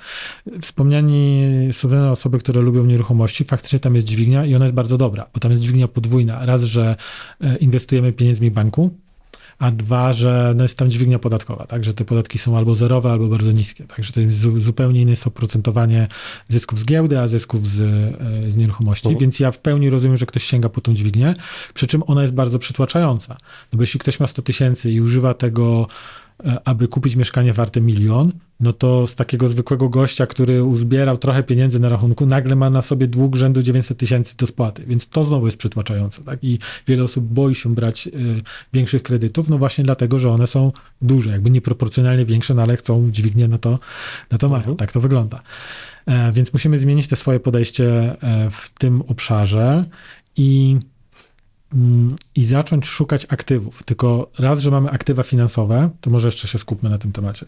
Aktywa finansowe to są y, takie rzeczy jak zmiana nieruchomości, generalnie wszystko to, co nam daje pieniądze, gdy my nie pracujemy. Czyli jeśli mamy kupioną nieruchomość, którą wynajmujemy komuś, no to to jest aktywo, które nam generuje, kapią nam te pieniądze co miesiąc, te czynsze. Jeśli mamy na przykład napisaną książkę i mamy tantiemy z tej książki, albo po prostu jesteśmy jej właścicielami, się uh-huh. je sprzedaje, to znowu jest aktywo. Tak, wydaliśmy nasz czas, miks naszego czasu i pieniędzy, żeby wydać samodzielnie książkę i mamy z tego przychody. Możemy mieć firmę oczywiście, która nam generuje no. dywidendy, możemy kupić akcje na giełdzie i tak dalej. Akcje dywidendowe oczywiście. Mhm. Wszystko to nam się pakuje w, w taki zestaw, który jest tak naprawdę dostępny i ma sens dopiero od jeden wzwyż. Bo jednym z moich błędów... Yy, było to, że ja chciałem się zapakować w ten etap, jak byłem na etapie 0,0001. Tak? Czyli ja okay. chciałem za 1500 zł kupić swoje, pamiętam nawet do dziś to były akcje KGHM-u i myślałem, że ta 3,5% dywidenda dużo mi da, i ona by mi dała, gdybym ja miał tam więcej pieniędzy, bo ja powinienem ten czas poświęcić na e, lepsze kwalifikacje, na po prostu sprzedawanie swojego czasu. Tak? To jest to, co uh-huh. mówiliśmy kilka minut wcześniej, że są różne etapy w życiu i na początku musisz ten czas sprzedawać. Jak się naczytasz uh-huh. na wala w wieku 20 lat i stwierdzi, że każda minuta musi być bilowana twojego życia i tak dalej, super, tylko nikt ci za to nie zapłaci, jak masz 20 lat, no bo nic nie znaczysz na rynku, tak? Nie masz doświadczenia, uh-huh. nie masz wiedzy i tak dalej, to ma sens, jak masz 40 plus lat, tak? Czy tam 45 plus. To jest w ogóle bardzo tożsame, zobacz, mamy teoretycznie dzisiaj odcinek, który jest bardziej, znaczy nawet nie tyle o biznesie, tylko wokół biznesu i mentalu, ale jest wiele rzeczy, które można per analogiam do biznesu, czy nawet marketingu odnieść, ponieważ jest taki właśnie typ przedsiębiorcy próbującego rozwinąć swoją firmę poprzez narzędzia marketingowe, który wychodzi z założenia, że musi wszystko maksymalnie zoptymalizować, 50 tysięcy razy przetestować i tak dalej, tylko że on to robi wtedy, kiedy na przykład jego strona internetowa generuje 2000 ludzi odwiedzających ją miesięcznie. Co oznacza, że jego głównym zadaniem na tym etapie powinno być generowanie wartościowego ruchu i żeby ludzie w ogóle wiedzieli, że istnieje. Czyli żeby testować, trzeba mieć na kim. Żeby optymalizować, trzeba mieć odpowiednią skalę. I to działa i w życiu, jak widać, i w budowaniu majątku, i w marketingu nawet. Czy to będzie sklep internetowy, czy firma B2B. Dokładnie, czyli są takie zasady, uh-huh. które są na tyle dobre, uh-huh. że pasują do różnych branż i pewnie też przez lata będą działać. A do jakiego poziomu twoim zdaniem wpadasz w ten zakres 1 do 10? Ile ja? trzeba mieć realnie, tak wiesz? Załóżmy, że gotówki, bo to najłatwiej tak. ludziom powiedzieć, dobra, ile ja muszę zarobić, odłożyć na koncie, żeby teraz był ten moment, gdzie powinienem zająć się aktywami. To jest świetne pytanie, bo y, odpowiedź na, mam dobrą odpowiedź, ale nie jest jednorodna, dla każdego będzie taka sama. Ja sobie to mierzę w miesiącach, które mogę przeżyć bez pracy. Hmm. Więc jeśli twoje koszty życia są 50 tysięcy miesięcznie, bo masz Panamerę i Lambo w leasingu i trzy domy, no to, bo wziąłeś dźwignię i tak dalej, uh-huh. no to pięć dych to ledwo co wiążesz koniec końcem, tak? Ale jeśli e, dostałeś mieszkanie od rodziców, jeździsz komunikacją miejską albo rowerem i zarabiasz 15 tysięcy, no to pewnie zdychę jesteś w stanie odłożyć. Tak rzucając, rzucając takimi Mhm. różnymi liczbami, tak? W, w różnym kierunku. Więc u każdego ten wskaźnik będzie inny, ale wydaje mi się, że ten wspólny mianownik dla wszystkich jest taki sam. Typu, ile miesięcy jestem w stanie przeżyć bez kolejnych dochodów z pracy, tak? Czyli jeśli mam na przykład kupione aktywo, czyli mam drugie mieszkanie, które się wynajmuje, no to ono mi się wlicza, tak? Że ja nie muszę pracować, żeby dostać te pieniądze. Czy, czy mam wystarczająco duże przychody z tych odsetek z obligacji, z tantiem, z tych wszystkich rzeczy, które ja powymieniałem wcześniej, jest ich oczywiście więcej. I jak długo jestem w stanie przeżyć, plus oszczędności, które mamy gdzieś zgromadzone. Więc jeśli ktoś jest w stanie za pół miliona przeżyć dwa lata, no to jest na innym poziomie niż ktoś, kto za pół miliona jest w stanie przeżyć pół roku. To, bo albo tego nie usłyszałem, albo coś mnie, mam jakiś tak zwany brain fart, jak to mówią, to taka minimalna ilość miesię- miesięcy, tudzież liczba miesięcy, to ile? Ja bym powiedział, że rok. Tego, tego nie Rok. powiedziałem, że dla mnie osobiście to jest rok. Że jeśli masz na tyle dużo pieniędzy, że nieważne, co zrobisz przez najbliższy rok, rzucasz y, pracę na etacie, czy jeśli twój biznes jest twoim etatem, no to to, albo jesteś freelancerem, to wydaje mi się, że rok to jest taki, taki w ogóle, od tego zaczynam, takie wpisowe na dzień dobry. Tak? Czyli dopóki nie masz zapasu gotówki, która pozwala ci komfortowo położyć się i przeżyć rok przy twoich kosztach, czyli jeżeli to jest 10 tysięcy miesięcznie, to musi to być 120 tysięcy, a jeżeli 50, to per analogia tam ile 600 wychodzi, czy jakkolwiek. Tak, tak, tylko dwa ale, że to nie musi być 120 tysięcy na koncie, ale jeśli wiesz, że co miesiąc dostajesz jakieś Okej. pasywne Mhm. pieniądze, które ci wyrównają to, tak? Jasne, czyli generalnie jeżeli masz metodę na to, żeby te 10 koła było, Tak. to wtedy to, co jest nadwyżką, możesz zacząć w formie aktywów używać. Znaczy próbować w ten sposób nabywać aktywa, Mhm. tylko że to tak naprawdę wraca do mojego pierwotnego pytania, bo to jest też tak, że wiesz, czasami e, można się łatwo rozczarować, bo jest tak, że sposób myślenia o pieniądzach ulega dużej ewolucji, nie? Na początku człowiek myśli przed pierwszą wypłatą, jak jeszcze nie rozumie, jak działają pewne rzeczy, to myśli sobie, wow, 5 tysięcy, czy tam 3 tysiące. To było brutto i netto To dostajesz. nawet, ale nawet myślisz sobie, Jezu, ile na tym zarobię, a potem bach, rata tego, rata tamtego, rata tamtego, zostaje kurwa 500, nie? I weź handluj z tym. A potem myślisz sobie, dobra, 100 koła, to jest dużo koła, nie? Dużo pieniędzy. Po czym myślisz sobie, że za 100 koła to nie kupisz nawet pół kawalerki w Łodzi chwili obecnej. Więc mimo wszystko jest być może jakaś liczba, która uważasz, że jest taką liczbą komfortową, przy której faktycznie człowiek widzi, nawet ten mały, ale już sensowny, zwrot z takich realnych inwestycji w aktywa właśnie. Te obligacje chociażby, że jak jesteś w stanie wyciągnąć 7 koła ze 100 koła, to to już ma sens. Trzymałbym się tego, że mm, to określenie poziomu bym liczył w miesiącach bez pracy, Mhm. Okej? bo to jest o tyle dobre podejście, mm, bo ono też pokazuje, jak dużo wydajemy na życie. Bo może się okazać, że masz na rok pod warunkiem, że, y, że utrzymasz standard życia, ale masz na dwa lata, jeśli zrezygnujesz z iluś tam rzeczy, których mógłbyś zrezygnować, no bo w sumie po co ci one, tak? Czyli przykładowo, nie wiem, pozbędziesz się samochodu, w sumie go nie potrzebujesz tylko, żeby dojechać na zakupy w weekend, albo nie wiem, z jakichś Netflixów, innych abonamentów i tak dalej. Nie? Że to daje tą elastyczność z dwóch stron, że elastyczność przychodową, ale też elastyczność kosztową. Dlatego podkreślałem, że e, kiedy przejdziemy ten moment, to musimy zapomnieć o stronie kosztowej, dlatego że ta strona kosztowa już nam nie będzie robiła Mhm. różnicy. To, że ktoś zrezygnuje z Netflixa za 6 dych miesięcznie, jak ma dużo pieniędzy na koncie, to mu nic nie da. Tak? Mhm. Nie Powiem ci, to są w ogóle ciekawe wątki. Pamiętam, że jedną z moich absolutnie ulubionych lektur finansowych, którą nazwałbym socjologią pieniędzy, jest książka Psychology of Money. Choć nazywa się Psychologia, to ja na nią patrzę bardziej z perspektywy psychologicznej, socjologicznej, Morgana Hausela. Mhm. I tam była taka piękna sytuacja, gdzie on mówił, że oszczędzania nie widać, a symbole statusu widać. Jest w ogóle tutaj inny segway, taki typowy dla mnie, czyli jest książka napisana w oświeceniu, wyobraź sobie, którą nie wiem, czy kojarzysz, co widać i czego nie widać.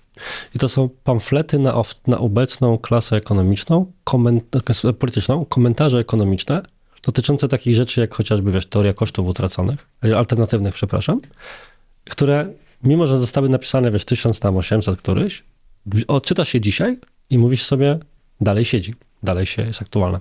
Lubię takie książki Mhm. i ja bardzo lubię się posługiwać właśnie takim, taką ramą myślenia o pewnych rzeczach, co widać, czego nie widać. I ta książka Hausela się idealnie tu wpisuje pod tym kątem, że zobacz, jak kupisz sobie auto, dom czy coś, to widać. I ty to widzisz, ale nawet nie chodzi o ciebie, tylko chodzi o inne osoby, które patrzą na zewnętrzne atrybuty sukcesu i mówią, no, człowiek z domem, z samochodem, z trawnikiem zadbanym, to jest sukces.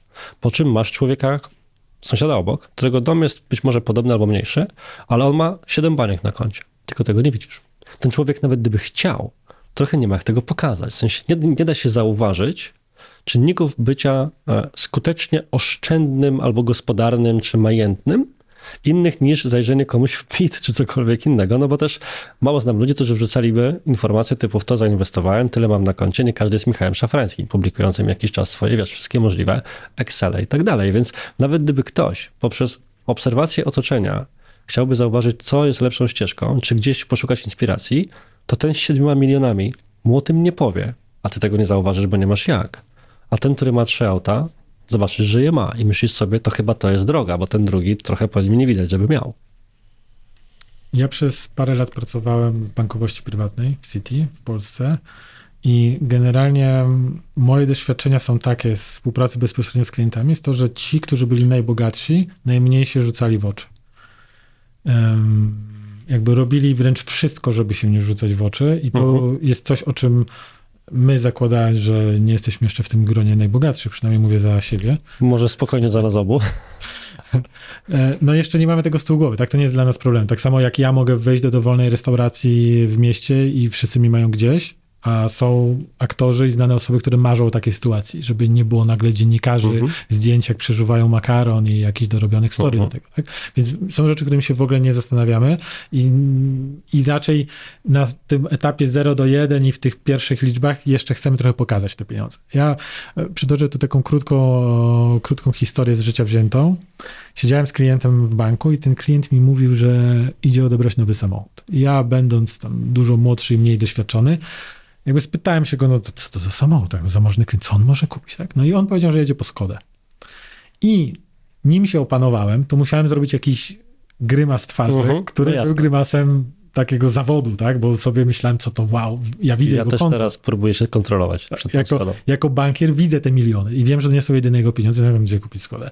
Więc ja nic nie powiedziałem i on zaczął mi opowiadać, widząc mój wyraz twarzy, musiał fatalnie wyglądać w takim razie, ale on zaczął mi opowiadać, że jakby kupno drogiego samochodu to jest jedna z najgłupszych rzeczy, jakie można uh-huh. zrobić, dlatego że samochód non-stop krzyczy że gdzie się nie pojedzie, to, to non-stop jest permanentna manifestacja twojego statusu. Więc jak sobie kupisz Lambo, jedziesz po bułki do żabki, albo jedziesz po córkę do, skle, do szkoły, to wszystkim już patrzcie, jestem bogaty, możecie mnie napaść, bo jakby co mam z czego oddać, albo patrzcie, ja jestem tutaj, na pewno mam coś drogiego na sobie, skoro wychodzę z drogiego samochodu, mam pełno kasy i tak, i tak dalej. I to jest coś, czego nie można wyłączyć. Nie da się zrobić skromnego Lambo, tak? Nie da się zrobić skromnego uh-huh. Rolls Royce'a, że on ma jeden cel, żeby być taki głośny. Dlatego on mówi, że jakby bardzo fajną taką metodą, żeby pokazywać pieniądze, zresztą praktycznie e, powszechnie stosowane, są kupno drogich zegarków, tak? No bo zegarek możesz założyć albo go nie założyć, możesz go trzymać schowanego, a możesz wyjść i pokazać, że patrz, mam jakąś... Drogi zegarek trzeba umieć poznać, bo ja się zawsze śmieję, że zegarki to jest trochę acquired taste, czyli jak po raz pierwszy widzisz te rzeczy, które są drogie, mówisz, Boże, jakie to jest szkaractwo. I do dzisiaj niektóre, wiesz, z najdroższych Omek, czy, czy Rolex, zwłaszcza Patek Filip, ja na to patrzę, mówię, komu to się podoba, z której strony to jest ładne, może od tyłu, a tam na zdjęciach nie widzę.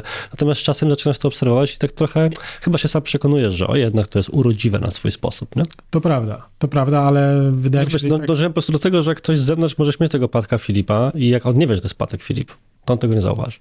Więc to jest drogie. Ten, kto ma zobaczyć, to to zauważy, a ten, kto nie, przejdzie obojętny.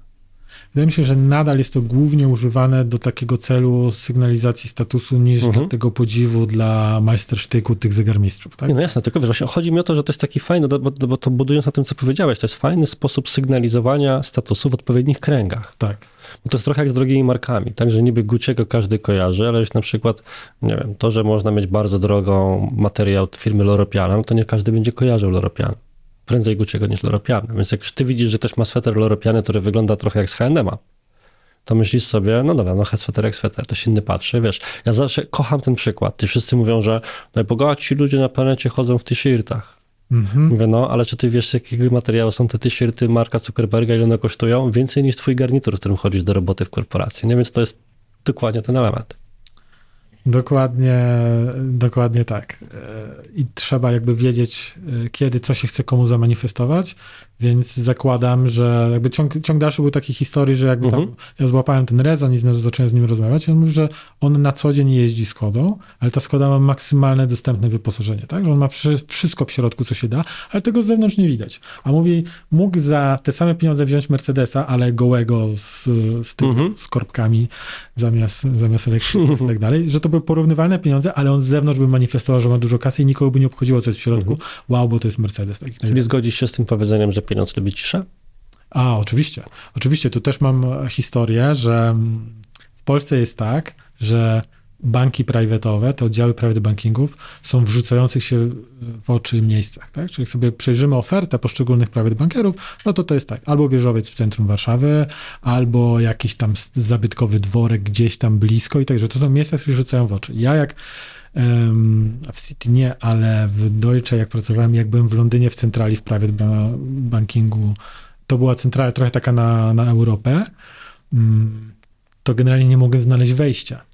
I wejście było jak do klatki. Nie, na zewnątrz nie było znaku, że tam jest bank. Nie dało się tego zobaczyć. Po prostu trzeba było gdzieś wejść i stała pani, bardzo dobrze ubrana, stała za biurkiem i się patrzyła. I mówiła, dzień dobry. I ona nie mówiła, witamy w banku, nie, nie, nie. I dalej nie wiedziałeś, że jesteś w banku. Tak samo jest z Goldman Sachs. Goldman Sachs w Londynie jest w ogóle tak, że się wchodzi i od razu korytarz skręca w lewo. Więc przechodząc obok ulicą, po prostu widzi się ścianę po kilku metrach korytarza w głąb i, nie, i nawet trudno bez wchodzenia do środka zobaczyć, co tam może być. Więc się wchodzi, skręca się w lewo, znowu trzeba skręcić.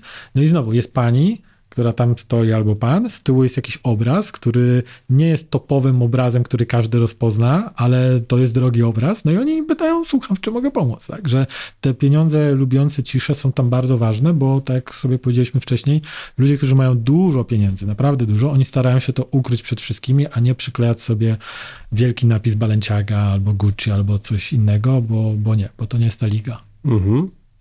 Aż mnie tutaj mi bardzo dużo wątków takich, które byłyby złośliwym przytykiem w kierunku różnego rodzaju ludzi zarabiających na mówieniu o tym, jak zarabiać się rodzi, ale nie pójdziemy tą ścieżką, bo byłaby zbyt łatwa i to byłoby obraźliwe dla twojego intelektu. E, więc powoli zmierzając w kierunku końca, bo jednak YouTube, e, pieniądz lubi ciszę, a YouTube lubi krótko, a my rozmawiamy półtorej godziny, więc taki sam raz odcinek YouTube'owy. To tylko do jednej rzeczy chciałbym wrócić. To dawaj. Bo to jest bardzo ważne. Ja mówiłem o tym, że musimy zmienić to, na co wydajemy pieniądze i mhm. mówiłem, że musimy je wydawać na aktywa, które nam generują więcej pieniędzy, a nie tylko sprzedawać czas. Tak Ale jest. po drugiej stronie też mamy aktywa niefinansowe, na które musimy wydawać więcej pieniędzy. I już mówię o co chodzi. To mhm. są... Y nie pamiętam, kto tego użył, to nie jest mój termin, ale ktoś, ktoś tego użył w internecie w którejś z książek. Nazwał to mm, jakby takimi dywidendami, które dostajemy nie z aktywów finansowych, tylko z przeżyć. Czyli przykładowo, jeśli kiedyś byłeś na koncercie, na przykład ze znajomymi, albo to jakiś wyjątkowy koncert, on nie musiał kosztować dużo, to oprócz tego, że on był świetnym wydarzeniem, które w danym momencie bardzo ci się podobało, to za każdym razem, gdy sobie o nim przypominasz, dostajesz taką delikatną dywidendę. Czyli dostajesz taki uh mhm. -huh. mini zastrzyk odrobiny tej radości, którą czułeś w pełni w tamtym momencie.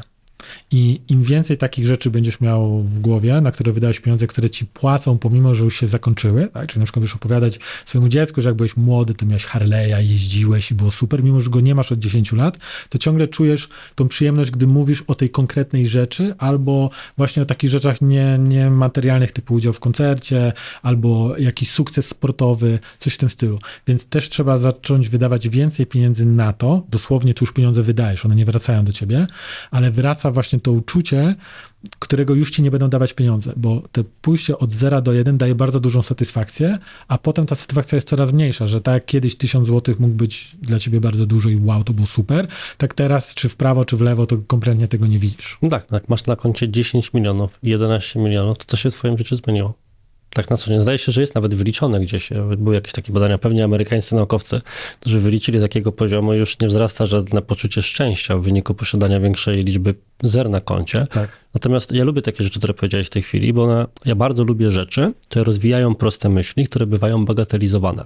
Czyli jest to powiedzenie, które na pewno wielokrotnie każdy z nas e, słyszał, czyli inwestuj w przeżycia, nie w przedmioty. Mhm. A to, co ty zrobiłeś, to po prostu rozwinąłeś tę myśl i to, co jest pozornie banalne, okazuje się być głęboce głębokie, jakkolwiek durne byłoby to, co właśnie powiedziałem. Czyli ma w sobie pewną ukrytą, ukrytą mądrość, tylko trzeba trochę podrapać i troszkę zrobić to, co ty robisz swoim newsletterem, dla siebie i też dla innych, czyli poobracać pewną myśl w głowie, mentalnie ją rozwinąć i zobaczyć właśnie potencjał w jednej maksymie na, albo w filmie Tetrisie na punkcie w kierunku czegoś szerszego, więc powoli już faktycznie zmierzając do końca, z uwagi na YouTube'owe standardy, które i tak permanentnie łamie, to biorąc pod uwagę twoją erudycję, oczytanie, to nie byłbym sobą, gdybym, mimo że normalnie tego nie zrobię, nie spytał cię o rekomendację być może jednego, dwóch tytułów książek, filmów, podcastów, dowolnych dzieł kultury, które zachwyciły cię, w jakiś sposób zmieniły twoje postrzeganie w ostatnich tygodniach bądź miesiącach i uważasz, że każdy słuchacz tego programu powinien je poznać. W obszarze finansów na pewno jest to książka, którą ty wymieniłeś, czyli ta psychologia pieniądza od Morgana Hausela i mówię to jako finansista. E, w tej książce nie ma żadnego wzoru, nie ma żadnych tak. tabelek, nie ma wykresów.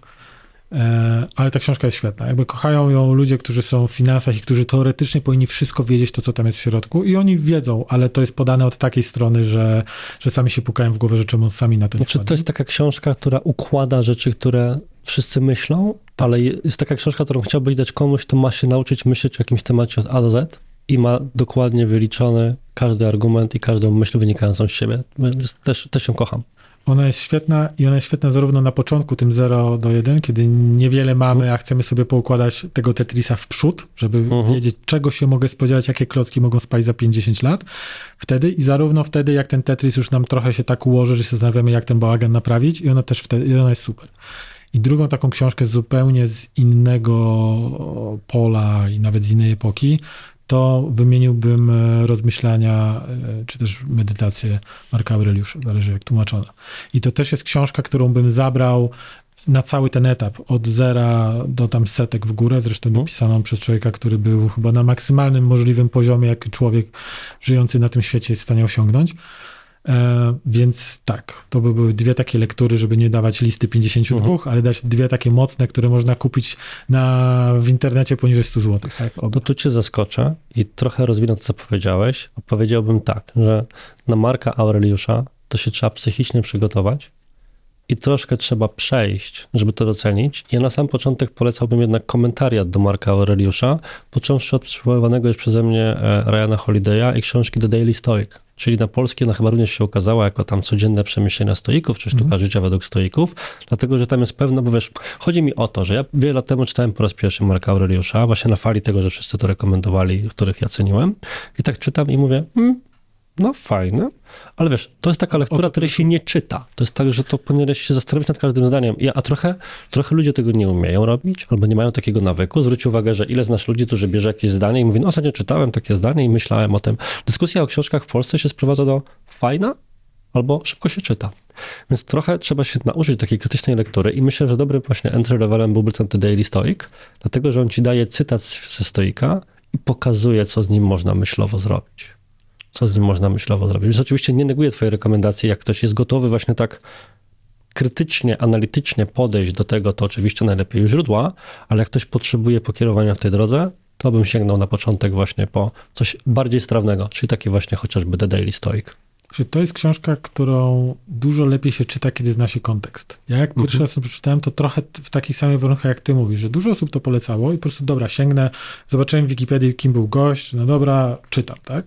Ale zupełnie inaczej się czyta, po pierwsze, gdy ma się doświadczenia zupełnie inne, i umie się jakby docenić jakieś rzeczy i, i, umiemy zauważyć, że jakim cudem ten gość tyle tysięcy lat temu wpadł na, te, na rozwiązanie problemu, który ja mam dzisiaj w zupełnie innym obszarze. Tak? To, to jest uh mhm. -huh. niesamowite. Tak. Ale druga rzecz zupełnie inaczej się czyta, kiedy właśnie sobie pomyślimy, że to jest gość na levelu tysiąc, tak? że on jest absolutnie półbogiem, takim faraonem, imperatorem, on może wszystko, on jest prawem, ma wszystkie pieniądze świata i tak dalej. I on zamiast z tego korzystać albo niszczyć sam siebie przez te pieniądze, albo ulegać tej władzy, która absolutnie korumpuje, on siedzi i pisze sam do siebie rzeczy. Znaczy, to chciałem powiedzieć, że to jest ciekawe, że człowiek, którego zaprosiłem, ponieważ prowadzi newsletter, który jak sam twierdzi jest tylko dla niego, e, jako najbardziej polecaną i być może w pewien sposób formującą lekturę, wskazuje książkę Władcy tego świata w tamtym okresie, który pisał sam dla siebie. Czyli ewidentnie ta książka była jakby moją inspiracją, tylko nie chcę mówić o tym, dlatego że no to no, no bez przesady, tak? No nie, nie mhm. mogę w żaden sposób się porównywać. Nie, ale spokojnie, w sensie no. każdy, myślę, krytyczny, inteligentny i taki empatyczny słuchający rozumie, że chodzi ci o formę, a nie, że uważasz siebie za Marka Aureliusza 2023. To myślę, że możemy spokojnie zaufać intelektowi słuchających w tym momencie. Mam nadzieję. I, i ich dobrej, dobrej rzeczy. Co jest doskonałym zakończeniem naszego dzisiejszego odcinka. Przemku, bardzo Ci dziękuję za, e, za przyjęcie zaproszenia, za to, że się pojawiłeś, za tę rozmowę, która, tak jak mówiłem Ci na początku, wierzyłem, że będzie właśnie wielowątkowa i erudycyjna, jak Twoje teksty, które z przyjemnością czytam i których zawsze zazdroszczę. E, Moim i Państwa gościem, jak to się ładnie mówi, był Przemysław Gerszman. Powiedz mi tylko jeszcze i nam wszystkim, zakładając, że nie zamkniesz po kolejnych 5-10 edycjach jednak newslettera, to gdyby ktoś chciał się nim zainteresować, to jak i gdzie może go znaleźć? Newsletter jest dostępny w internecie, jakby każdy może się na niego zapisać. Wszystkie wydania z tego roku są dostępne, z poprzedniego są zamknięte w formie e-booka, dlatego że zostały skasowane, ale zostały odzyskane, są w jednym miejscu. E, albo zachęcam do wyszukania go po moim nazwisku, albo szukając po prostu 52 notatki. Ja go piszę na Substacku, więc tam, tam też można go znaleźć, ale generalnie jestem w social media, głównie na Twitterze, więc bez problemu można. Jasne, na Twitterze widziałem, że zajmujesz, jesteś dość aktywny, ale tego wątku już nawet nie będziemy eksplorowali. I w tym tygodniu to jest wszystko. Do usłyszenia w przyszłym, bądź do zobaczenia, zależy na jakiej platformie to śledzicie. I cześć.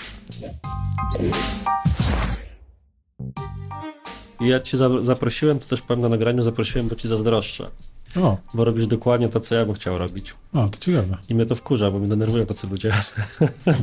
Ale słuchaj, ja jeszcze Passatem, a nie BMW, no? więc, nie wiem, czego mi zazdrościsz. Nie stukać w tu, co wiesz, bo tam sam ty nagrywasz, a zwłaszcza w to, bo jak nagrywam w to, to oni mnie rażą prądem, więc na to trzeba uważać, nie?